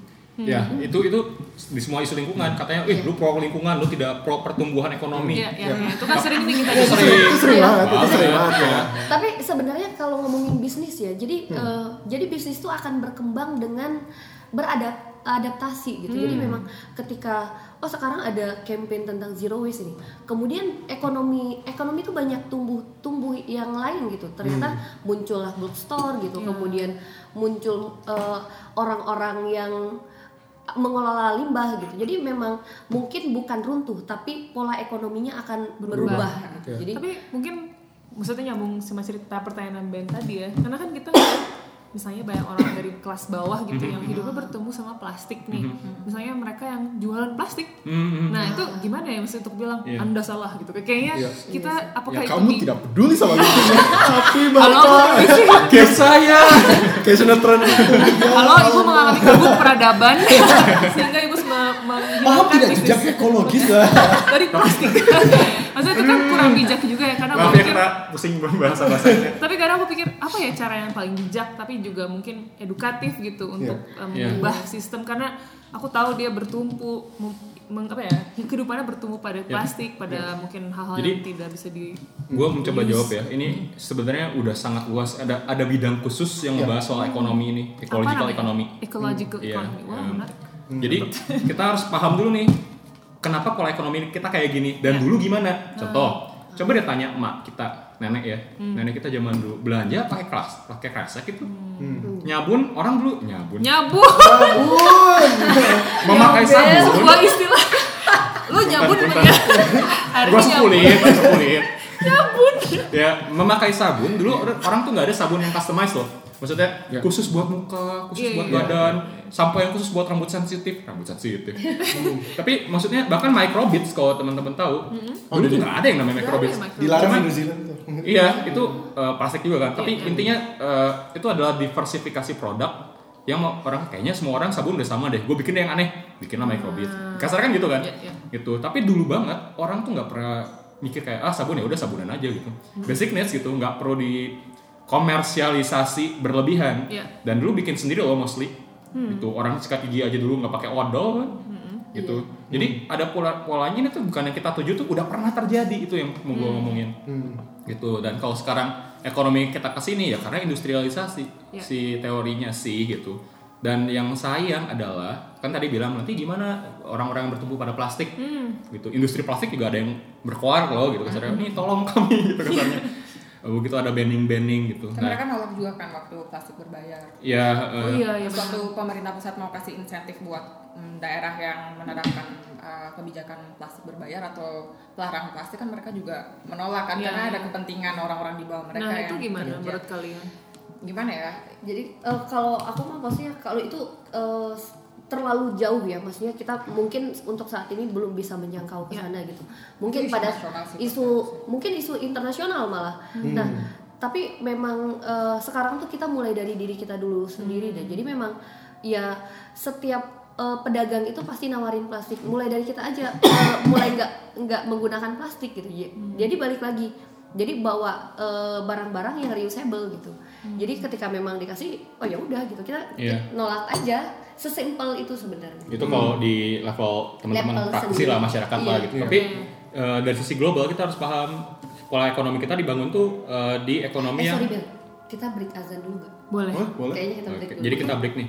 Ya boleh break. Oke, kita diamin break dulu aja ya. kita break dulu. Eh, sampai bertemu. Setelah marah berikutnya lanjut aja nih udah ya udah lanjut ya jadi nggak udah, jadi. udah masuk tadi. Ya, ya, udah ya. Greta tuh serem karena politisi di Inggris juga beberapa kayak melarang anak-anak untuk turun ke jalan. Karena kalau menurutku sih kalau misalnya mereka ngebiarin anak-anak turun ke jalan untuk isu uh, climate change Hmm. nanti akan ada anak-anak lain yang turun ke jalan untuk isu yang lain gitu makanya isu yang ini tuh kayak mereka banyak yang kontra Hmm. yang ngedukung si anak-anak turun ke jalan ini kan banyak kan uh, apa sih partai konservatif Uh, ya sama saintis kalau nggak Oh, salah ya oke. perkumpulan saintis. Nah, yang dituntut sama anak-anak yang turun di jalan ini kan adalah kebijakan kan dalam ranah kebijakan. Sekarang kita lihat dari Indonesia, kita masih ribut soal sedotan stain, masih ribut soal apa ya hal-hal remeh-temeh gitu lah. Iya, Sementara iya. anak-anak SMA, SMP di sana tuh udah menuntut pada level yang tinggi kebijakan. Bahkan mereka menuntut untuk hak uh, Masa depan voters mereka uh, hak hak untuk Iya. vote itu diturunin sampai 16 tahun supaya mereka Iya. tuh punya suara. Iya. Betul. Maksudnya intinya apa ya kemampuan kewarganegaraan kita beda jauh sih. Iya, Tapi benar. emang salah satunya pendidikan ya. Iya. Waktu di New Zealand Aduh juga. ini menarik sih. Pas Iya. waktu itu Rara kan lagi di Indonesia lagi penelitian. Jadi gue ngebantuin tentang um, warga negara yang belum dianggap warga negara dan biasanya dilihat dari batas umurnya kan. dan itu ter akhirnya ngomongin tentang untuk menurunkan um, apa batas pemi- pemilihan ya kan. Um, itu di New Zealand tuh sekarang 17, 17. mau diturunin ke 16 waktu itu. 16 Dan akhirnya yang di yang debat akan hal ini anak-anak SMA. 16 tuh Oh, baru masuk SMA ya kita ya. Iya, yang baru masuk gitu. yang debat akan hal ini SMA diundang ke universitas agar orang-orang di universitas paham dari kacamata mereka. Jadi Hmm. bukan memperdebatkan sesuatu atas nama mereka, tapi langsung dari mulut mereka sendiri gitu. Hmm. Nah di Indonesia ini ya mungkin masih terus masuk ke isu pendidikan sih. Kita di selama selama di SD SMP SMA dimatikan kan nalar kritisnya gitu. Hmm, Makanya iya, kita tidak mampu untuk berpikir lebih jauh tentang kewarganegaraan kita. Kita diminta, oke kalian hafal Pancasila, kalian um, hafal pembukaan undang-undang gitu. Itulah warga negara kalian Iya, gitu. bukan Warga- yang uh, kewarganegaraan yang aktif di mana kita turut serta dalam Iya. kebijakan, pembuatan kebijakan. Bahwa sebenarnya suara kita tuh ada ada value-nya Iya. gitu. Dan bahkan di New Zealand tuh anak-anak Iya, nah, TK. Jadi TK, mereka, mereka su- uh, dari eh bukan STK tapi SD kelas SD 2, kayak 3 masih kecil. uh, kita soalnya ikutan demonya. Mereka ikut demo di parlemen sama guru-gurunya untuk bangun anti rokok. Jadi Hmm. untuk mm, intinya menghilangkan rokok di New Zealand. Semudah itu. Iya. Mereka gitu. pada apa Saya namanya? pengen masa depan yang sehat. Dan mereka, tapi mereka Demo. bukan di- didorong Gua- sama lagi guru, tapi. Iya, tapi iya. mereka sadar. Iya, iya. Gitu. Mereka sadar. Iya, pasti time dia mereka diwawancara anak-anak kecil ini sama TV-TV Tapi, gitu. tapi bayangin gak di Indonesia? Eh tapi Bawa ada loh. tapi ada loh di Indonesia eh, Terus gerakan FC FCTC kalau nggak aku lupa apa tapi itu tentang rokok. Tobacco juga. Oh Iya. iya. Tapi maksudnya itu gerakan internasional tapi Iya. anak-anak Indonesia tuh udah udah mulai sih. Mm-mm, Yang Sebenarnya kritis. udah ada bibit-bibitnya. Iya. Cuman sering kali itu juga apa ya? kayak nggak nggak eh, nggak ada gitu. terdengar Iya. ataupun ya dimatikan atau kalah pamor sama hal-hal lebih komersial Iya sih. Dan di Indonesia tuh sangat ageist dalam artian anak-anak kecil atau ada yang bawah umur gitu kan atau bahkan masih di bawah umur tapi anak-anak Muda. muda, Muda. dianggap tidak pantas untuk berpolitik Iya, gitu. iya. ada lo masih bocah lu tahu apa sih tentang politik gitu kan ya. Belum sempurna nih otaknya. Belum tumbuh dengan Belum tapi tumbuh dengan tapi netizen tuh menarik banget kalau terlalu muda itu dianggap belum tahu kalau terlalu tua udah lu udah tua juga udah Iya. mati aja Iya, apa sih lo gitu? Kok serba salah deh Iya. Iya. Iya. Itu sih. sama isu yang Green New Deal itu juga kan sesuatu yang Iya. Oh, iya, Nah, kita itu suka dari banget. itu Iya dari zaman FD Roosevelt baru Iya. sekarang Baru itu sekarang ramenya rame lagi itu tuh kayak kan. dari kapan Tapi- sampai deal sekarang tapi kita butuh orang-orang berani iya, itu gitu. dan Iya. ibaratnya orang-orang luar negeri sekarang kayak di luar Indonesia udah sadar akan hal itu dan otomatis uh, mereka akan memilih uh, wakil rakyat yang concern dengan isu Iya. lingkungan, Iya. climate change. Nah, kapan nih saatnya kita orang-orang Indonesia punya uh, pilihan wakil rakyat yang menyuarakan hal itu sih? Ya, aku setuju banget karena eh, meskipun sekarang mulai ada tren apa ya kepedulian terhadap isu lingku- isu lingkungan ya di level akar rumput, tapi tetap belum ada yang mewakili suara kita sih. Benar, melihatnya benar, benar. masih di ya sekarang mungkin yang agak lebih ramai isu feminisme gitu ya. Nah, iya, representasi perempuan, tapi itu kan representasi doang, belum tentu isu-isunya juga isu-isu yang apa ya eh, benar-benar pro kesetaraan gitu mungkin mereka cuman ya mewakili kursi aja gitu Indonesia tanpa feminis itu juga itu juga sedang eh, mungkin ada Indonesia tanpa zero waste jangan dong, jangan dong. Capek nih kerjanya. Indonesia tanpa sampah. Nah, mungkin mulai dibikin ya. T- tadi kita habis ngebahas apa tadi? Tadi ekonomi Eko- terakhir. oh iya, jadi ecological economy. Ekonomi kita kan linear nih kata orang. Jadi semua diproduksi terus dibuang dengan cepat gitu. Hmm. Kalau teman-teman mau dengar lebih lengkap, ya nonton Story of Stuff. Ya, story of stuff Itu bagus banget. Tapi poinnya adalah ekonomi kita dibangun berdasarkan growth. Hmm. Yang di measure menurut gue dengan tidak fair. Gitu. Di IPB kita ada pelatihan ya. Jadi eh, pertumbuhan ekonomi kita dinilai sama apa sih? GDP kan? Ya. Iya. Gross apa? Domestic product ya Iya. salah. Dan itu mau bangun rumah sakit atau bangun kasarnya gedung bola atau gedung politik itu gedung DPR eh, sama nilainya bertambah gitu. Padahal kan setiap pilihan itu punya konsekuensi. Kalau ditarik ke masalah sampah lo mau bangun sistem terpilah di sumber yang memang jadi memang petugas sampah jadi lebih terangkat secara eh, martabat dan uang gajinya gitu. Eh, atau milih incinerator base kalau ekstrim gitu ya ya udah dibakar aja ditampungnya di akhir gitu. Sambil kita bikin landfill landfill landfill yang baru. Itu kan dua pilihan yang berbeda banget loh. Dampaknya pun beda banget loh. Satu long, period. Kalau landfill tuh 25 tahun sampai 50 tahun. 25 lah let's say. Cuma 25 tahun loh. Sedangkan kalau kita pilih ini ini long last loh pilihannya. Hmm. nah itu salah satu gejala ekonomi kita tuh dibangun berdasarkan growth. Teman-teman bisa baca ada satu buku namanya dari Tim Jackson. Eh, dia peneliti soal ecological economic. Eh, profesor atasnya namanya pokoknya ada dia yang ngomongin soal ekologi ada batasnya ada limit gitu dulu kalau kita kenal ada yang pernah lihat diagram keberlanjutan nggak sih yang kayak ada lingkungan ada sosial ada ekonomi terus tengah-tengahnya sustainable Oh iya iya. iya. is it Oh ya. Zaman dulu. ya zaman dulu banget Awal-awal tuh. awal-awal sustainable banget gitu dan itu sampai sekarang di Indonesia masih Pakai yang itu. pakai yang itu sebenarnya jadi orang oh ya udah yang namanya sustainable tuh eh, lingkungan diperhitungkan Ah. gitu evaluate Hmm. Yang pertanyaannya apakah benar itu solving problems Hmm. sedangkan ekonomi kita kan kalau lihat di sistem produksi konsumsi itu tuh lu nge-extract sesuatu buat dijual kan Ya. nah eh, ya limitnya kan bukan bukan ekonomi bukan sosial tapi earth planet Hmm. planet kita nih bumi nih baru planet kita bumi yang lu- limit paling luar dalamnya ada lingkaran lagi itu sosial dan ekonomi itu ada di dalamnya lagi dalam lingkaran sosial. Jadi ekonomi itu cuma tools loh. Hmm. Ya. jadi tools loh. Nah karena kita salah kaprah jadi ya udah kita, kita ekstrak kita cari eh, materi-materi yang baru. Tapi dia nggak nyadar bahwa begitu si sumber daya alamnya habis atau tidak bisa dimanfaatkan dengan kualitas yang sama si ekonomi bakal pelan-pelan atau mungkin per jam gitu collapse karena dia dependensi sama lingkungannya besar jadi lingkungan harusnya tidak hanya diperhitungkan tapi dia juga memang jadi komponen yang jadi consideration pertama dan utama Ya. dalam membangun ekonomi Sekarang tuh aku justru ngeliatnya tujuan hidup kita menjadi ekonomi gitu. Dan Jadi consumer. Iya, perubahan paradigma yang mungkin dibutuhkan juga gitu adalah mengubah pandangan kita terhadap bahwa kehidupan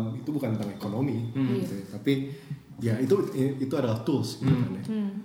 Ya. Nyambungnya sama tadi yang mengelola sumber daya. Iya. Caranya dengan dikelola sumber dayanya, bukan dimusnahkan. Iya. Iya. Iya, sih. Iya. Terus kemarin waktu ngerjainnya riset travel itu sebenarnya menarik juga kan di sini. Riset apa nih? Orang-orang nggak tahu nih. Oh, riset travel. Jadi kayak Refill. Oh, refill. Isi ulang, isi ulang. Kayak pengen ngelihat kemungkinan itu dibawa sebagai sebuah kebijakan. Karena sekarang kan kayak bulk store atau yang yang kayak gitu bisa isi ulang. Kan sebenarnya itu gerakan voluntary di, di akar rumput kan. Itu hal-hal organik yang tumbuh dari orang yang eh, punya kesadaran dengan lingkungan terus ingin berbisnis dengan etika lingkungan yang baik etika sosial yang baik gitu. Nah bisa nggak sih itu ditingkatkan sebagai sebuah kebijakan? Nah ternyata setelah ditelusuri kenapa sih eh, kenapa sih kita butuhnya tuh mm, refill gitu? Tapi ternyata kebi- eh, sejarahnya tuh panjang gitu. Dari awalnya ada yang namanya eh, sachet ekonomi kemudian Hmm, iya. jadi sachet culture gitu. Jadi produsen itu emang agak kurang ajar ya. Mereka tuh sengaja menyalahkan masyarakat kelas bawah. Karena kalau saya kita belajar tentang sachet ekonomi eh, tujuan dari produk berkemasan sachet itu siapa sih? Produsen itu yang Kelas kan bawah. kelas bawah. Orang-orang miskin yang menengah ke bawah orang-orang miskin gitu. Dan perusahaan besar kayak P&G Unilever itu mereka sengaja membuat itu untuk menjangkau uh, masyarakat miskin dan kebanyakan itu yang dituju adalah orang di Filipina dan Indonesia spesifik Oh ya? Filipina dan Indonesia Wow. gitu. Di Wellington ada nggak saset?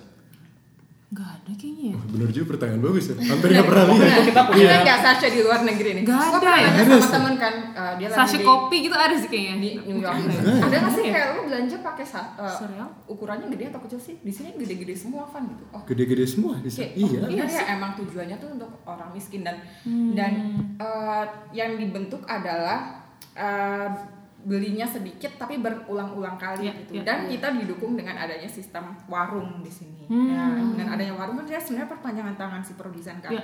Jadi kayak masyarakat miskin sekarang orang-orang yang ibaratnya kurang gitu ya, mereka beli sampo sachet satu dipakai dua kali.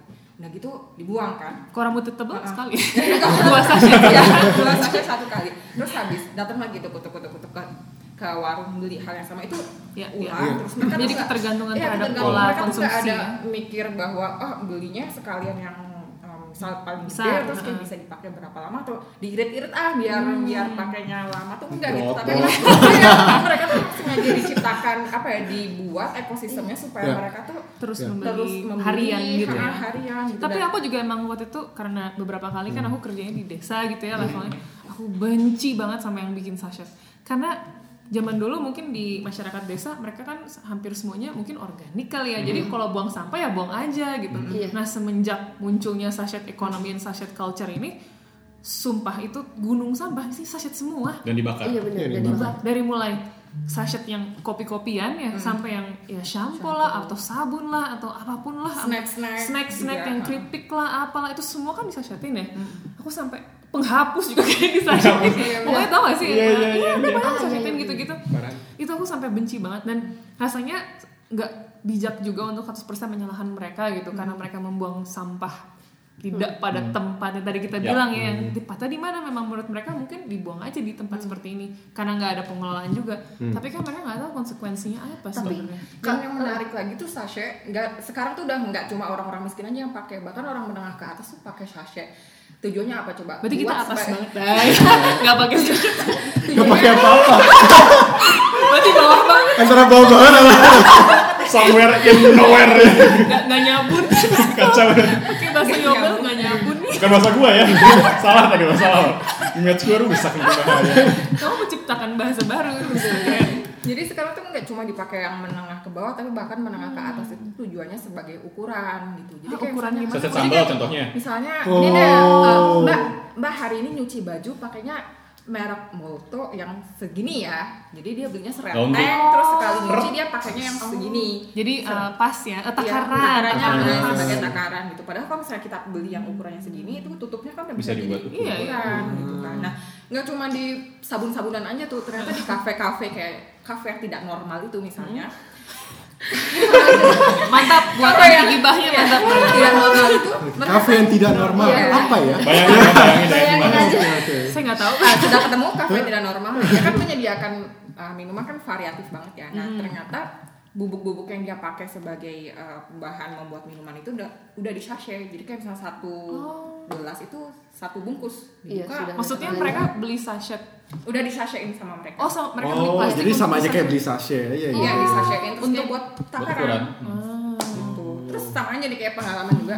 Kayaknya emang nggak tahu ya apakah kita memang tidak terbiasa dengan ukuran atau takaran yang pas karena waktu itu pernah nyoba bawa mason jar gitu buat beli uh, minuman. ya. Nah sama masnya ditolak nih sama masnya atau mbaknya ya. Atau uh, uh, pertama pernah ditolak karena ukurannya beda. kamu beli apa di sini Pan? Di um, di- boleh disebut. Nggak maksudnya minuman. Minuman uh, Rasa-rasa kayak, gitu. uh, minuman rasa rasa minuman rasa-rasa. Oh, variatif. Banget. yang ada bubble-bubble Oh. itu. Ya, kayak gitu lah. Minuman rasa-rasa. yang bubble. gambarnya gitu lah. Oh iya oke oke Nah, dia nggak nerima karena ukurannya uh, Tidak- ber- tidak uh, sama dengan nggak sama. Ya, padahal messenger itu kan ada stripnya ya. Iya, Iya, dia iya. 200 atau 300. Tapi ditolak sama dia karena nggak sama nih ukurannya sama cup yang dia punya. Atau pernah ke satu tempat yang dia jual minuman coklat, dia itu jadi naruh nggak dulu enak nih minuman coklat dia naruh dulu di uh, cup plastiknya habis itu dipindahin. baru bisa sama itu aja gua ngalamin Ya banget kan kayak hmm, Parah. lu di kopi yang nama pulau itu kan. ya kopi yang nama Pulau itu yang sangat terkenal di kota Bandung. Iya, yang sangat Gua terkenal. sangat suka. ya udah kayak kopi yang sangat enak kalau menurut gua. Iya, kata gua nggak enak sih. ya tapi kata gue enak. Ya subjektif lah rasa. tapi intinya gue suka nongkrong di situ dulu karena dia masih pakai sistem gelas. Oh iya. Tapi terus dan kopinya ya. sangat-sangat menurut gue sangat-sangat berbeda dari yang lain dan gue suka intinya. Terus gue oke oke. Oke, maksa. kita paham. Tapi intinya gue datang berkali-kali. Sampai ada satu titik gue datang kesekian kalinya gue bawa tumbler gue sendiri karena gue mau take away. Gitu. Eh, kayak keep cup kok di OFC Iya, iya. gue udah bawa mas ini takarannya sesuai dengan kasarnya kan ada venti ada latte Iya, iya. ini udah sesuai kok. Terus gue titip ya mas saya ke toilet dulu. Temen gue nungguin. Gue balik ke toilet terus temen gue ketawa-ketawa. Kenapa? Kan lu tahu nggak? Tadi masnya pakai gelas yang plastik dimasukin kucurin ke lu terus gelasnya dibuang buat takaran Iya, iya benar mah buat Iya, iya, takaran. iya. Kayak Jadi kayak apakah orang yang berdagang itu nggak pakai takaran yang rigid berapa mili, berapa cc? Apakah mereka cuma pakai takaran cup, itu plastik ya udah gitu, bikinlah gitu? cup itu yang terbuat dari gelas ya tolong ini sebuah Iya, ide standarisasi dosis itu yang Iya, paling iya, itu kan jelas juga buat inseminaris dan ini- tapi Tapi mereka gini, kalau yang yang bubble-bubble itu ya kejadiannya Bubble, bubble. rasa-rasa ini tadi. karena sering diangkat juga bahwa mereka itu eh, menghitung jumlah cup Iya, yang terjual. Sebagai SOP. Iya, sebagai Jadi, SOP. tapi itu aneh nggak sih sebetulnya masa lu jualan cup dong kalau Iya, gitu benar. bukan jualan minumannya Berarti intinya segini, oke teman-teman yang punya bisnis mungkin ya yang dengerin Iya, ini benar, benar. bisa mulai memikirkan dari tahap itu gitu bahwa dalam proses bisnisnya juga sangat wasteful mungkin bahasanya ya. Banyak sangat banyak waste-nya, banyak sampah. Nyampah. Jangan nyampah. daripada nyampah. Nah itu sebenarnya jadi sebenarnya bisnis-bisnis yang baru-baru nih kan mulai apalagi di Bandung ya banyak banget nih bisnis makanan, minuman dari mulai dan pakaian juga gitu. Bisa mulai memikirkan alternatif ya sebenarnya. iya Iya, Nggak- dan- nggak melulu dari hal besar, bahkan dari Iya. hal-hal kecil takaran lah. Tapi memang Packaging lah. dari sisi dari sisi bisnis karena gue juga pernah coba riset kecil-kecilan situ. Mereka bisnis-bisnis yang kecil, kedai-kedai kopi mungkin yang kecil spesifiknya. Mereka mengurangi inventory. Kan Iya, berarti kalau lo punya gelas lo punya inventory, berarti ada risk kan. harus nyuci lagi Harus nyuci. Tadi Sedangkan kita juga habis minum di satu coffee shop dan aku kaget sih karena dia menyediakannya tuh semua dalam plastik gitu, semua ada plastik cup. Karena kan ini dine in nih, kenapa? semua? kenapa harus plastik? Iya. gitu Iya, kan? aku mungkin lebih cepat dan Ya, jadi memang ini sesuatu yang harus diregulasi pemerintah. Maksudnya Hmm. secara bisnis model ya, eh, mungkin ada suntikan dana untuk membuat bisnis model yang lebih sustainable. Karena Hmm. kalau di luar, luar negeri Europe khususnya yang kebijakan reuse-nya lebih berkembang, Hmm. mereka ada bisnis-bisnis penyewaan. oh, Jadi mereka menyewakan eh, cup-cup yang reusable, tapi inventorinya bukan sebagai mereka yang nyewa, tapi punya gua. dia third party yang. Ya, jadi ya. kayak misalnya ini ada Tupperware kalau bahasa kita di Iya, sini kan. Nih gue pinjemin nih, nanti dihitung aja berapa. Nanti tiap bulan gue cek masih utuh atau enggak Tupperware gue. nah, Nah, pernah- boleh nih ide bisnis teman-teman Nah, ya langsung pernah aja. ngobrol juga sama salah satu yang punya coffee shop yang ayo kita maju ke depan itu. Udah, udah, udah, udah. Jangan, jangan, jangan, jangan. Dia bilang eh, kan nanya nih kalau misalnya plastik dilarang nih sama pemerintah, kira-kira apa yang akan coffee shop anda lakukan? Ya kalau misalnya ada pemerintah kasih alternatif, mau Hmm. gitu. Jadi ibaratnya kayaknya sih pelaku bisnis tuh sebenarnya mereka Mau. mau, gitu Iya, ya, iya. asal pemerintah tuh kasih Pilihan. pilihan Dan mungkin insentif juga. bisa insentif expose kalau mereka go green atau apa ya kinerjanya baik, atau apakah kayak tadi menyediakan peminjaman itu kan juga sesuatu Deposit yang kan kayak kayak Starbucks gitu. Kasarnya lo bawa Starbucks gua, eh Starbucks gua, eh, tumbler gua. Kaya ya mas. Enggak, gua enggak, gua enggak. Gua enggak. Tapi kalau bawa tumbler, ya tadi. Intinya kalau lu bawa tumbler lu dapat diskon 5000 Itu kan satu insentif yang bisa Iya, iya, dikembangkan atau misalnya eh, di model-model kafe tertentu di luar yang gue lihat eh, mereka oh lu nggak bawa tumbler, gue kasih pilihan lo mau single use atau reusable, reusable sewa. Nanti kalau lo bawa lagi balik ke sini duit lo balik deposit, deposit refund. Apa sih refund ya? Atau scenario gue lupa, gue lupa. Iya, iya. Atau kalau nggak lo beli yang single use tapi harganya lebih mahal karena ada biaya pengelolaan sampah yang included tidak excluded dalam si kemasan Iya, itu. iya. Kalau misalnya um, kemasan gitu, sekarang alternatif kemasannya apa sih kan sekarang ada yang kayak cassava bag, terus Sama kita bawa daun pisang ke mana-mana. Daun pisang. Tapi ntar banyak di kantong. Biji banget. Gue nggak kebayang. Bang, oh maaf. atau gimana maksudnya kan uh, apalagi pelaku bisnis gitu dia ingin mencari alternatif tapi emangnya udah murah ya untuk menggunakan alternatif dari plastik bag gitu Dan sebenarnya ini berhubungan dengan tadi teknologi sih. Apakah pemerintah harus memberikan Insentif subsidi, juga, atau gitu, subsidi. subsidi terhadap teknologi yang terbaru gitu kan ya. Akhirnya apakah akhirnya kita terlalu fokus terhadap um, teknologi ketimbang balik lagi tadi yang grassroots approach-nya ini gitu kan ya. Misalnya kita ngomongin tadi saset, Iya. saset culture. ya itu gimana ya Em, kan kita kita bikin riset kan, yang Fanny bikin risetnya kan sebenarnya reveal kita mau nunjukin masyarakat kalau dikasih pilihan mau kok. Iya. oh mau akhirnya Ada yang mau gitu. Kita sedang mengumpulkan kayak data satu itu. Ya, masih alokasinya masih belum besar ya. Jadi Iya. ya masih level kelurahan. seperti molen ini Tinggalan ini. Jadi eh, intinya begitu dikasih pilihan bisa, tapi tinggal pemerintah melihat investment mereka secara uang maupun tenaga di waktu yang cuma 11 tahun ini kalau dari climate change itu mau ke teknologi base atau lo lebih percaya sama orang-orang lu, lo lebih percaya mesin atau orang-orang lu hmm baik dalam konteks pemilahan ataupun mengembangkan model-model bisnis yang sustainable. oke Eliza nih bikin model bisnis yang menurut gua bisa ditiru. Promosi lu, silakan. Ja- eh, boleh. Oh, jadi jadi eh, Jadi eh, saya punya produk. Eh, jadi produknya tuh nama brandnya sedari kini. Jadi memang dari 90% produk kita itu eh, menggunakan kain sisa. Jadi kalau di Kota Bandung tuh ada namanya Cigondewa. Jadi Cigondewa tuh dia menampung kain-kain sisa dari konveksi yang kalau memang dia lama-lama nggak laku akan eh, ke TPA. Pada akhirnya akan ke TPA. Jadi muncul ide Bahkan kain ke TPA ya. bahkan kain ke TPA gitu. Jadi muncullah ide gitu. Gimana sih caranya kain-kain ini bisa diolah? Akhirnya kita bikin produce bag, bikin tote bag gitu. Tapi dari kain sisa gitu. Jadi yang benar-benar eh, selain memang dari limbah gitu, kita eh, jadi mem- bukan memberdayakan eh, orang-orang lokal juga gitu. Jadi dari balik lagi ke jejak ekologis gitu. Harapannya bahan baku kain ini eh, bermanfaat juga untuk yang lokal gitu. Jadi nyari-nyari penjahit yang kalangan bawah, kemudian diberdayakan bikin produk gitu. Kemudian kita jual dengan eh, bisnis yang adil gitu. Jadi bukan Gimana eh, tuh bisnis yang adil? bisnis yang adil itu jadi memang ya kalau bisnis itu biasanya yang punya itu dia untungnya tuh sebesar besarnya untuk yang punya tapi kita di sini be- memang benar-benar diskusi gitu jadi kalau di EPBB kan kebiasaan sama jam kerja jadi kita benar-benar menghitung jam kerja Eh, penjahit ini menghasilkan satu produk ini berapa sih kira-kira gitu. Jadi pantas layaknya dibayar berapa gitu. Jangan sampai bayarnya 500 kemudian kita eh, jualnya 50.000 ribu gitu. Kan eh, nggak make sense gitu. Jadi bener-bener kalau sedari kini mah eh, pengennya bisnisnya yang adil kemudian dampaknya besar gitu jadi eh, dari masalah eh, jadi solusi kemudian apa ya intinya bermanfaat lah gitu Mhm. Jadi tadi melihat sampah kain Iya. jadi semacam sumber daya untuk dikerahkan lagi di bahkan justru bisa memberi manfaat untuk bukan cuman kamu kan bisa juga orang-orang di sekitar Iya, Cikondewa iya. tadi gitu. Mungkin kalau lihat yang zaman dulu balik lagi ya, eh, orang dulu beli di orang Sunda beli itu pakai besek. Ah, besek iya, tuh iya, bener, besek. yang ayaman dari bambu. bambu Iya. Ya. Eh, dulu nggak ada yang namanya kresek dan yang bikin besek itu atau kantong belanja yang dari bambu itu anyaman itu orang-orang lokal loh. Iya. Jadi orang-orang lokal bikin, jual di pasar sendiri dipakai orang-orang sendiri dan kalaupun rusak itu bisa terdaur ulang dalam konteks terkompos atau bisa kembali lagi ke alam.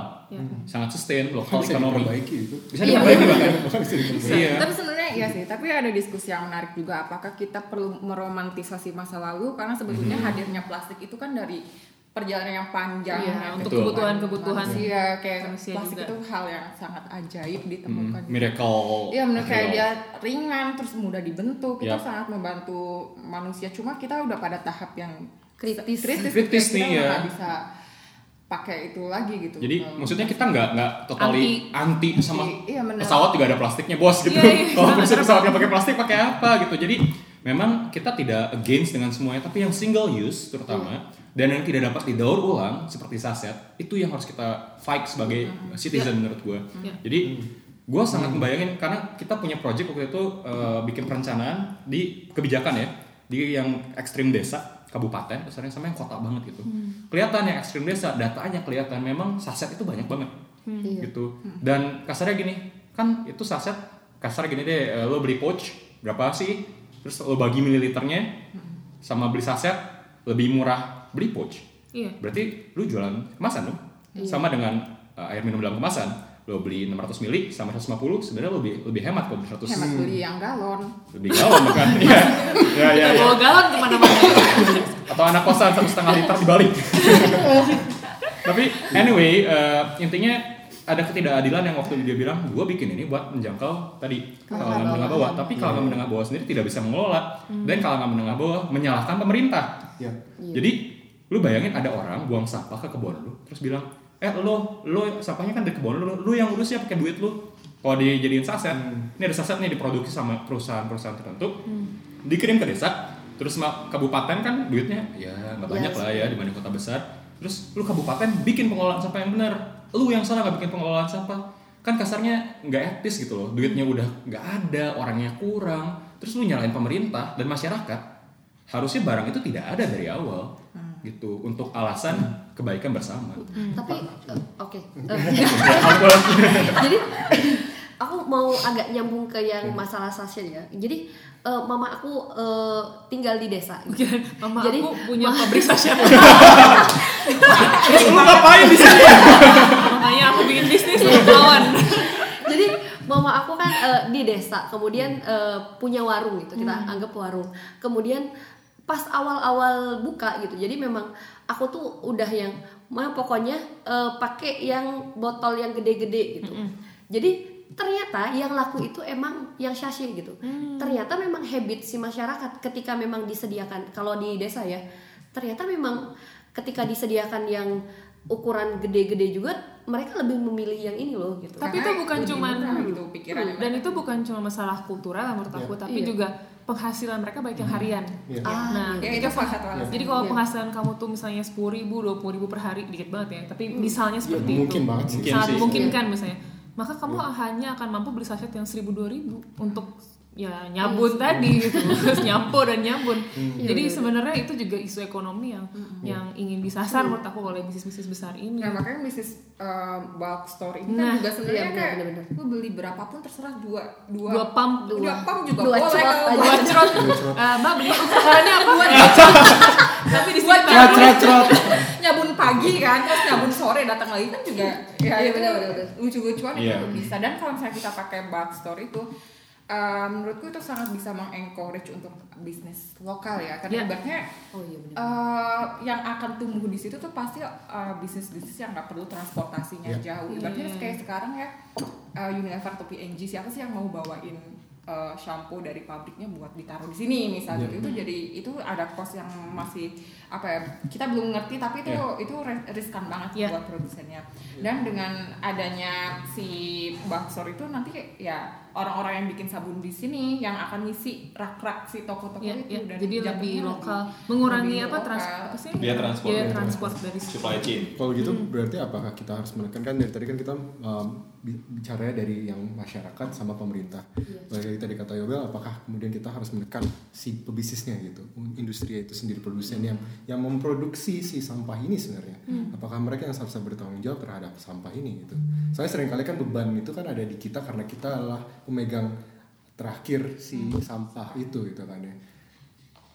Hmm, IPR ya EPR is all all thing menurut gue. Soalnya gini, IPR E tuh apa? extended producer responsibility. Contoh, Extended contoh yang orang bilang, "Ih, gue IPR kok." Itu uh, salah satu merek botol yang terkenal yang bilang gue punya recycled botol.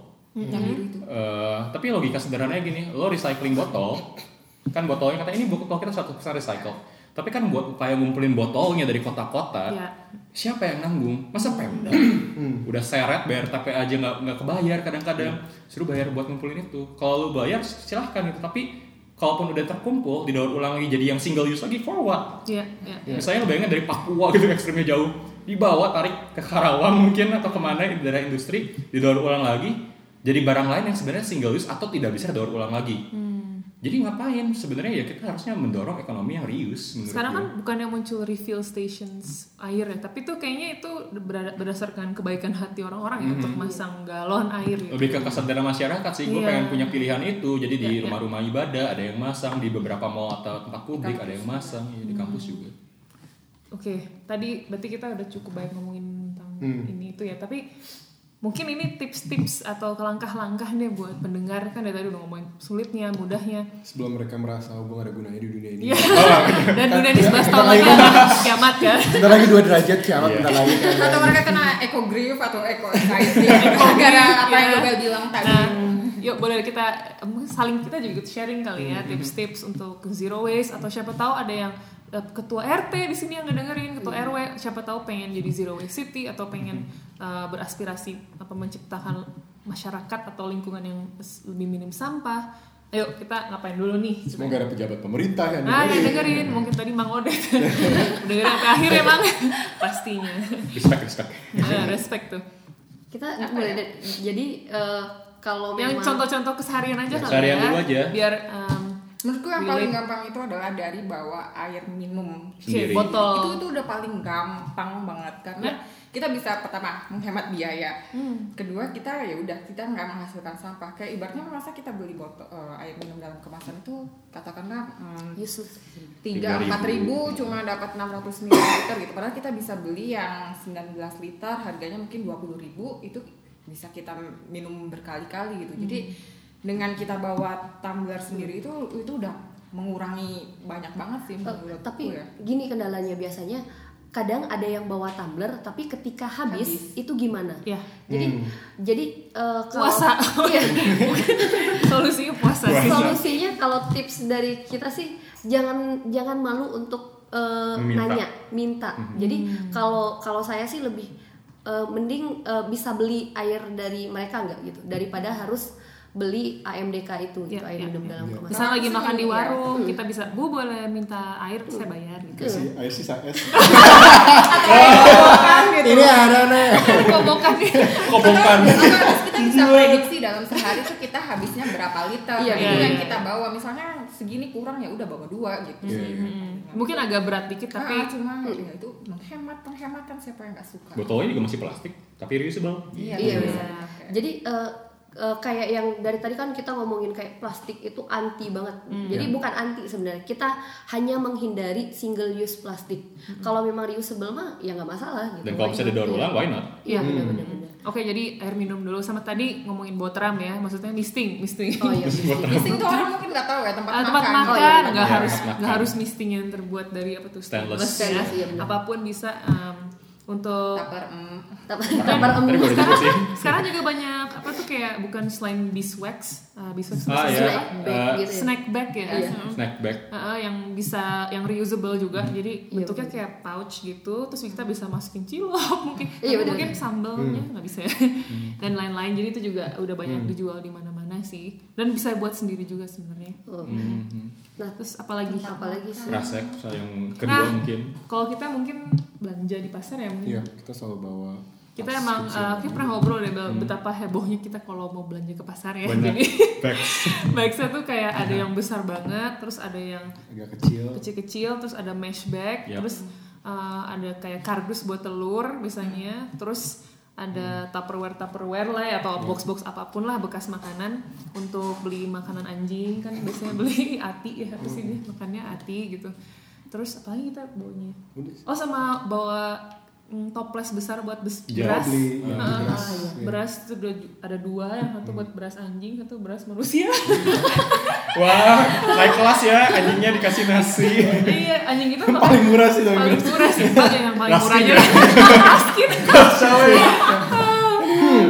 kutuan oh tapi kan anjing ya udah.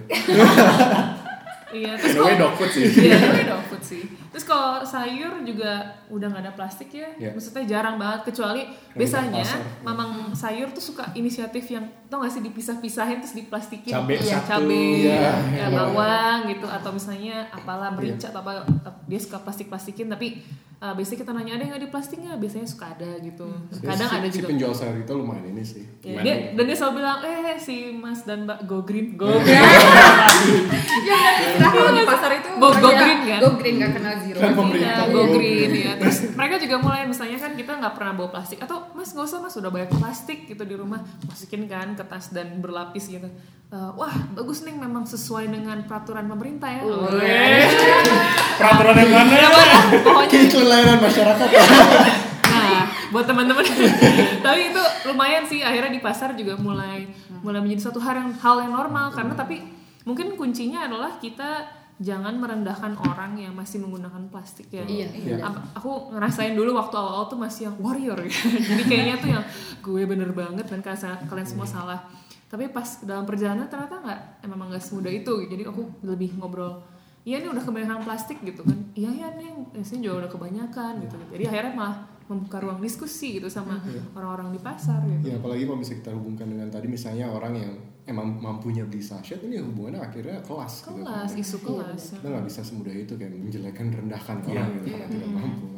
Gitu sih. Itu dari belanja ya maksudnya kan belanja kan kita lakuin setidaknya buat keluarga-keluarga gitu kan lakuin hampir setiap berapa hari sekali atau mungkin setiap hari. Jadi kalau kita ngurangin pemakaian apa single use plastik tuh kerasa banget sampai jadi aku tuh kalau misalnya kadang masih masih kepake lah misalnya lagi ke Indomaret terus tiba-tiba belanjanya mendadak banyak terus ah lupa bawa tas. Ya udah deh Ya plastik gitu. satu gitu. Iya. terus aku punya bekas tempat tisu yang kotak gitu terus aku masukin Di roll. di roll gitu. Jadi kalaupun satu hari misalnya bawa sepatu di dalam tas eh, koper gitu kan misalnya pakai plastik dan nggak kotor masih kepake tapi tadi pakai lagi gitu. Jadi ya tetap ada fungsinya sih memang nggak seanti itu juga gitu Dan gak mesti beli kayak produce bag atau Iya. Iya. itu Iya, yang iya, iya. baru pakai aja plastik yang ada di rumah. Ya, ya, memang kita senang beli baru ya biar bisa Ya, di kan instastory sebenarnya iya sih. Iya. Kayak zero waste kan sebenarnya kayak ada label "Hmm, harus cantik nih zero waste padahal enggak juga kan. Hmm, Kayak iya. harus beli jar yang lucu-lucu atau Iya, yang, yang kelas banget kayak, uh zero waste mahal, harus Iya, beli kayak- sedotan, jar. Ya tapi kan kalian, maksudnya kalian kerja, maksudnya di lapangan ya zero waste cities ini dan berapa banyak kelurahan itu, itu kan bisa bilang anak eh, orang-orangnya kelas menengah ke bawah ya, tapi mereka bisa gitu, Iya benar. bisa bisa kok. Bisa. asal sistemnya baik. Jadi maksudnya memang harus ada integrasi sistem gitu loh. Ya, ya. jadi kalau eh, salah satu eh, orang di YPBB itu bilang bahwa ternyata Indonesia tuh nggak punya sistem pengelolaan sampah yang baik Ya. jadi segala sesuatunya tuh masih terpisah siapa yang ngangkut siapa yang milah itu itu masih terpisah banget gitu mungkin ke depannya akan terintegrasi dengan baik gitu Ini balik lagi hubungan dengan yang isu-isu pribadi dengan isu-isu politis sih. Iya sih, nggak betul, bisa ya. bisa memisahkan hal itu apalagi kalau untuk masyarakat kelas bawah mereka sangat dependen terhadap sistem terhadap Iya. struktur ini gitu. Kalau mereka dependen dari sendiri ya miskin. Iya, iya makanya. Mungkin apalagi ya sampah yang susah terurai. Oh ini eh, popok dan Oh, iya. pembalut Ah, ya. iya, iya. Un- mungkin kalau beli menstrual cup gitu mahal, Mahal ya. banget. Aku juga nggak punya. Mesti ya sedih banget Enggak waktu itu pernah ditawarin cuma Ini gimana nih, KBN ini gimana? Kok tidak difasilitasi? Gimana? Saling menafkahi. kebetulan kan ini feminis nih ya. Oh, jadi feminis. perempuan yang kerja. Enggak tapi apa namanya aku kurang suka yang nyolok-nyolok aja di bawah. Cuman cuman kayak em, fem- apa feminis cup. Jadinya kan menstrual cup kan harganya cukup mahal ya meskipun sangat reusable. Bisa dibilang dipakai terus menerus gitu. Eh, aku lagi nyobain pakai menstrual pads jadi yang dari kain pembalut kain gitu. Iya sih. lumayan sih ternyata nggak serepot itu. Emang nambah ekstra kerja aja jadi kalau abis satu hari langsung dicuci gitu. Iya. tapi ternyata nggak sesulit itu pakai sabun apalah sabun yang ada kebetulan sabun kan pakai sabun cuci muka pakai shampoo. ya Tinggal langsung dikucek ya. iya bahkan dikasih air anget gitu juga langsung hilang. Jadi lumayan sih aku ngerasa jauh lebih enak ya nggak lihat tuh karena pembalut kan luar biasa Iya ya benar-benar. sampahnya itu em, sekali haid tuh bisa banyak banget gitu. Iya. kebayang kalau misalnya berulang selama kehidupan gitu. Jadi salah satunya itu lagi? Ya kalau kalau aku sih karena aku pelak, eh, bisa dibilang pelaku bisnis ya aku tuh pengen ngingetin bahwa orang-orang yang bisnis coba mulai packagingnya tuh nggak usah terlalu lebay. Karena aku walaupun bisnis masih sering eh, beli online juga dan packagingnya tuh lebay banget. Jadi plastik berlapis-lapis gitu. Maksudnya kan sekarang kayak bubble bubble wrap gitu. Jadi sebenarnya ada ada Alternatif. alternatif gitu. Misalnya sabut kelapa. Kalau beli di pasar tuh paling sekilonya 5000 jadi yang benar-benar eh, jadi coba kalau untuk yang pebisnis eh, mencari alternatif gitu untuk packagingnya. Kalau untuk kayak apa tuh? Apa Eh, selotip atau apa itu apa alternatif yang Eh, lebih pakai gum tape. Kalau kalau aku sih udah pakai gum tape. Jadi gum tape tuh nggak tahu ya bisa dikompos atau enggak tapi dari yang saya baca mah bisa gitu. Cuma Hmm. belum pernah nyobain juga. Eh, jadi mulai beralih gitu kan Hmm. bisa bikin sendiri atau eh, kalau untuk lebih praktis sih pakai gum tape itu bisa dicari banyak kok di Hmm. Dan juga konsumen jangan kaget kalau misalnya uh, Iya. para pelaku bisnis juga mulai mengeksplorasi ya. Maksudnya Iya, benar-benar. kadang juga ada orang yang kayaknya kalau pack kalau kalau belanja online nih Iya, pasti benar. si apa namanya ininya Packaging. packaging, bagus ya. Iya. Alias mereka ekspektasinya packagingnya tuh berlapis dan sangat gendut gitu. Bahkan kayak mesen aromaterapi segini jari terus bungkusnya segede orang gitu. kayak Ini, kadang ini kayak kalau kita benci kalau misalnya pesen Iya. barang online gitu. Iya. Saat kita cuma butuh kecil. Dan gitu. kadang tuh karena nggak ada, jadi si barang itu nggak ada di toko di sekitar rumah kita, jadi akhirnya terpaksa beli online kan. Dan ternyata begitu bungkusnya. Itu paradigmanya biar bersih atau Iya. aman. Padahal Aman, dengan berlapis-lapis nggak nambah lebih bersih juga kok sih. Iya sih. Iya, iya. mau kalau buka jadi lama, kalau unboxing nggak lah. Kemudian. Iya. agak susah ya, agak penuh amarah. Iya itu benar-benar buat pelaku bisnis ya. Jadi dan buat pembelinya juga karena saya pernah di rating gara-gara cuma packaging yang nggak pakai bubble wrap gitu dan yang lain-lain di ratingnya Kan rendah gitu. pecah belah kan? Iya maksudnya tapi di rating sama pembelinya tuh rendah gitu. Iya, iya. Dan aku tuh ngerasa kayak ini orang kenapa sih gitu. Jadi Hmm. eh, eh, jadi penjual dan pembeli penjual dan pembeli juga harus sadar gitu. Ya. Jadi maksudnya tuh ya mulai mulai beralih lah gitu mencari alternatif-alternatif yang memang ramah lingkungan gitu. Berarti intinya kita nggak bukan berarti jadi sosok minimalis yang nggak makan Iya. minum apa-apa kan sebenarnya. Enggak. Iya benar-benar iya. Hmm. Karena kadang kan disatuin tuh yang minimalismnya jadi Iya. benar-benar saya tidak beli apa-apa di dunia ini. Tapi kayaknya bukan itu gitu Iya, maksudnya. lebih sebenarnya kalau gue pikir zero waste living yang dibilang itu tuh lebih ke bukan zero waste to landfill aja ya, tapi gue pengen mencoba mengurangi sama sekali nggak ada gitu. Eh, itu adalah proses gitu. Jadi gue nggak harus maksain diri gue perfect langsung kayak selebgram A gitu, nggak harus gitu karena dunia lu beda. Emang ada yang perfect kan kesempurnaan hanya miliknya. Wah, Amin. Cuma di Instagram kesempurnaan ini. Iya, hanya milik eh, orang di Instagram. ya tapi jadi kalau gue sendiri gue berproses banget gue dulu di kuliah nggak pernah kepikir ngurangin AMDK Iya. gitu. Nggak pernah kepikir eh sih apa sih buat gosok piring Spons, spons. Spons. spons rusak kan parah ya tapi spons itu kan sebenarnya jadi mikroplastik karena dia serat-serat plastik. Atau Iya. baju tuh plastik. Gue baru nge loh selama gue belajar soal sampah gue baru nge baju kita tuh mostly plastik. Iya. gitu. Em, dan waktu makin gue masuk ke kerjaan ini semakin dalam di kebijakan memahami akar masalahnya memang banyak banget yang kita nggak punya pilihan. Dan akhirnya kita harus membuat pilihan itu sendiri Iya. karena kita nggak bisa nuntut orang lain. Iya. jadi kayak baju gue mulai kalau orang eh lu tahun baru? Kok gue lagi Chinese New Year bajunya itu lagi kesannya gitu. Tahun lebaran itu itu ada semacam cultural apa ya Iya, ada iya. demand gitu. Lu tuh Hmm. harus gitu punya baju baru. Iya. dan gue mulai oke gue pakai baju bekas aja tuh baju gue juga masih bagus. Tapi bukan gue gara-gara sok-sokan minimalis bukan. Karena gue tau persis dampak dari baju gue Ya. itu baru ngomongin dari sampah. Lu tahu nggak baju lo itu di dye pakai tekstil? Dan mostly eh, pewarna tekstil kita itu lepas ke lingkungan. Iya. karena industri kecil nggak punya kemampuan ngolah limbah. Jadi begitu menyadari sambil ngobrol kayak gini sambil ngopi sama teman-teman yang emang di bidang lain ngobrol eh kok ternyata ada dampaknya ya? Dari pakai baju doang. Iya. ternyata dampaknya besar loh ke air yang diminum orang lain. Gitu. Jadi memahami bahwa setiap pilihan kita ini ada pengaruh cross boundary gitu kayak oh gue bakar sampah. Asapnya bukan gue yang hirup. Yang hirup orang lain di kota lain. Gitu. Jadi waktu nyadar oh ya gue bakal mencoba yang terbaik satu-satu. Tapi di sisi lain gue menyuarakan karena gue pun ada keterbatasan sebagai masyarakat gue bilang tolong dong pemerintah eh, ko- kor- korporasi eh, kasih kami pilihan. Kami mau gitu. Kalau perlu kami bantu. Jadi kalau butuh kajian ya kami bantu. Ya. gitu. Jadi menurut gue ini satu sistem yang semuanya sedang belajar semua berjalan cuma kita harus paham juga ada deadline kita loh Hmm. jadi kita jangan jangan berkompromi dengan pilihan-pilihan yang kita tahu sebenarnya bisa leading somewhere yang kita nggak mau Hmm. Hmm. gitu Iya.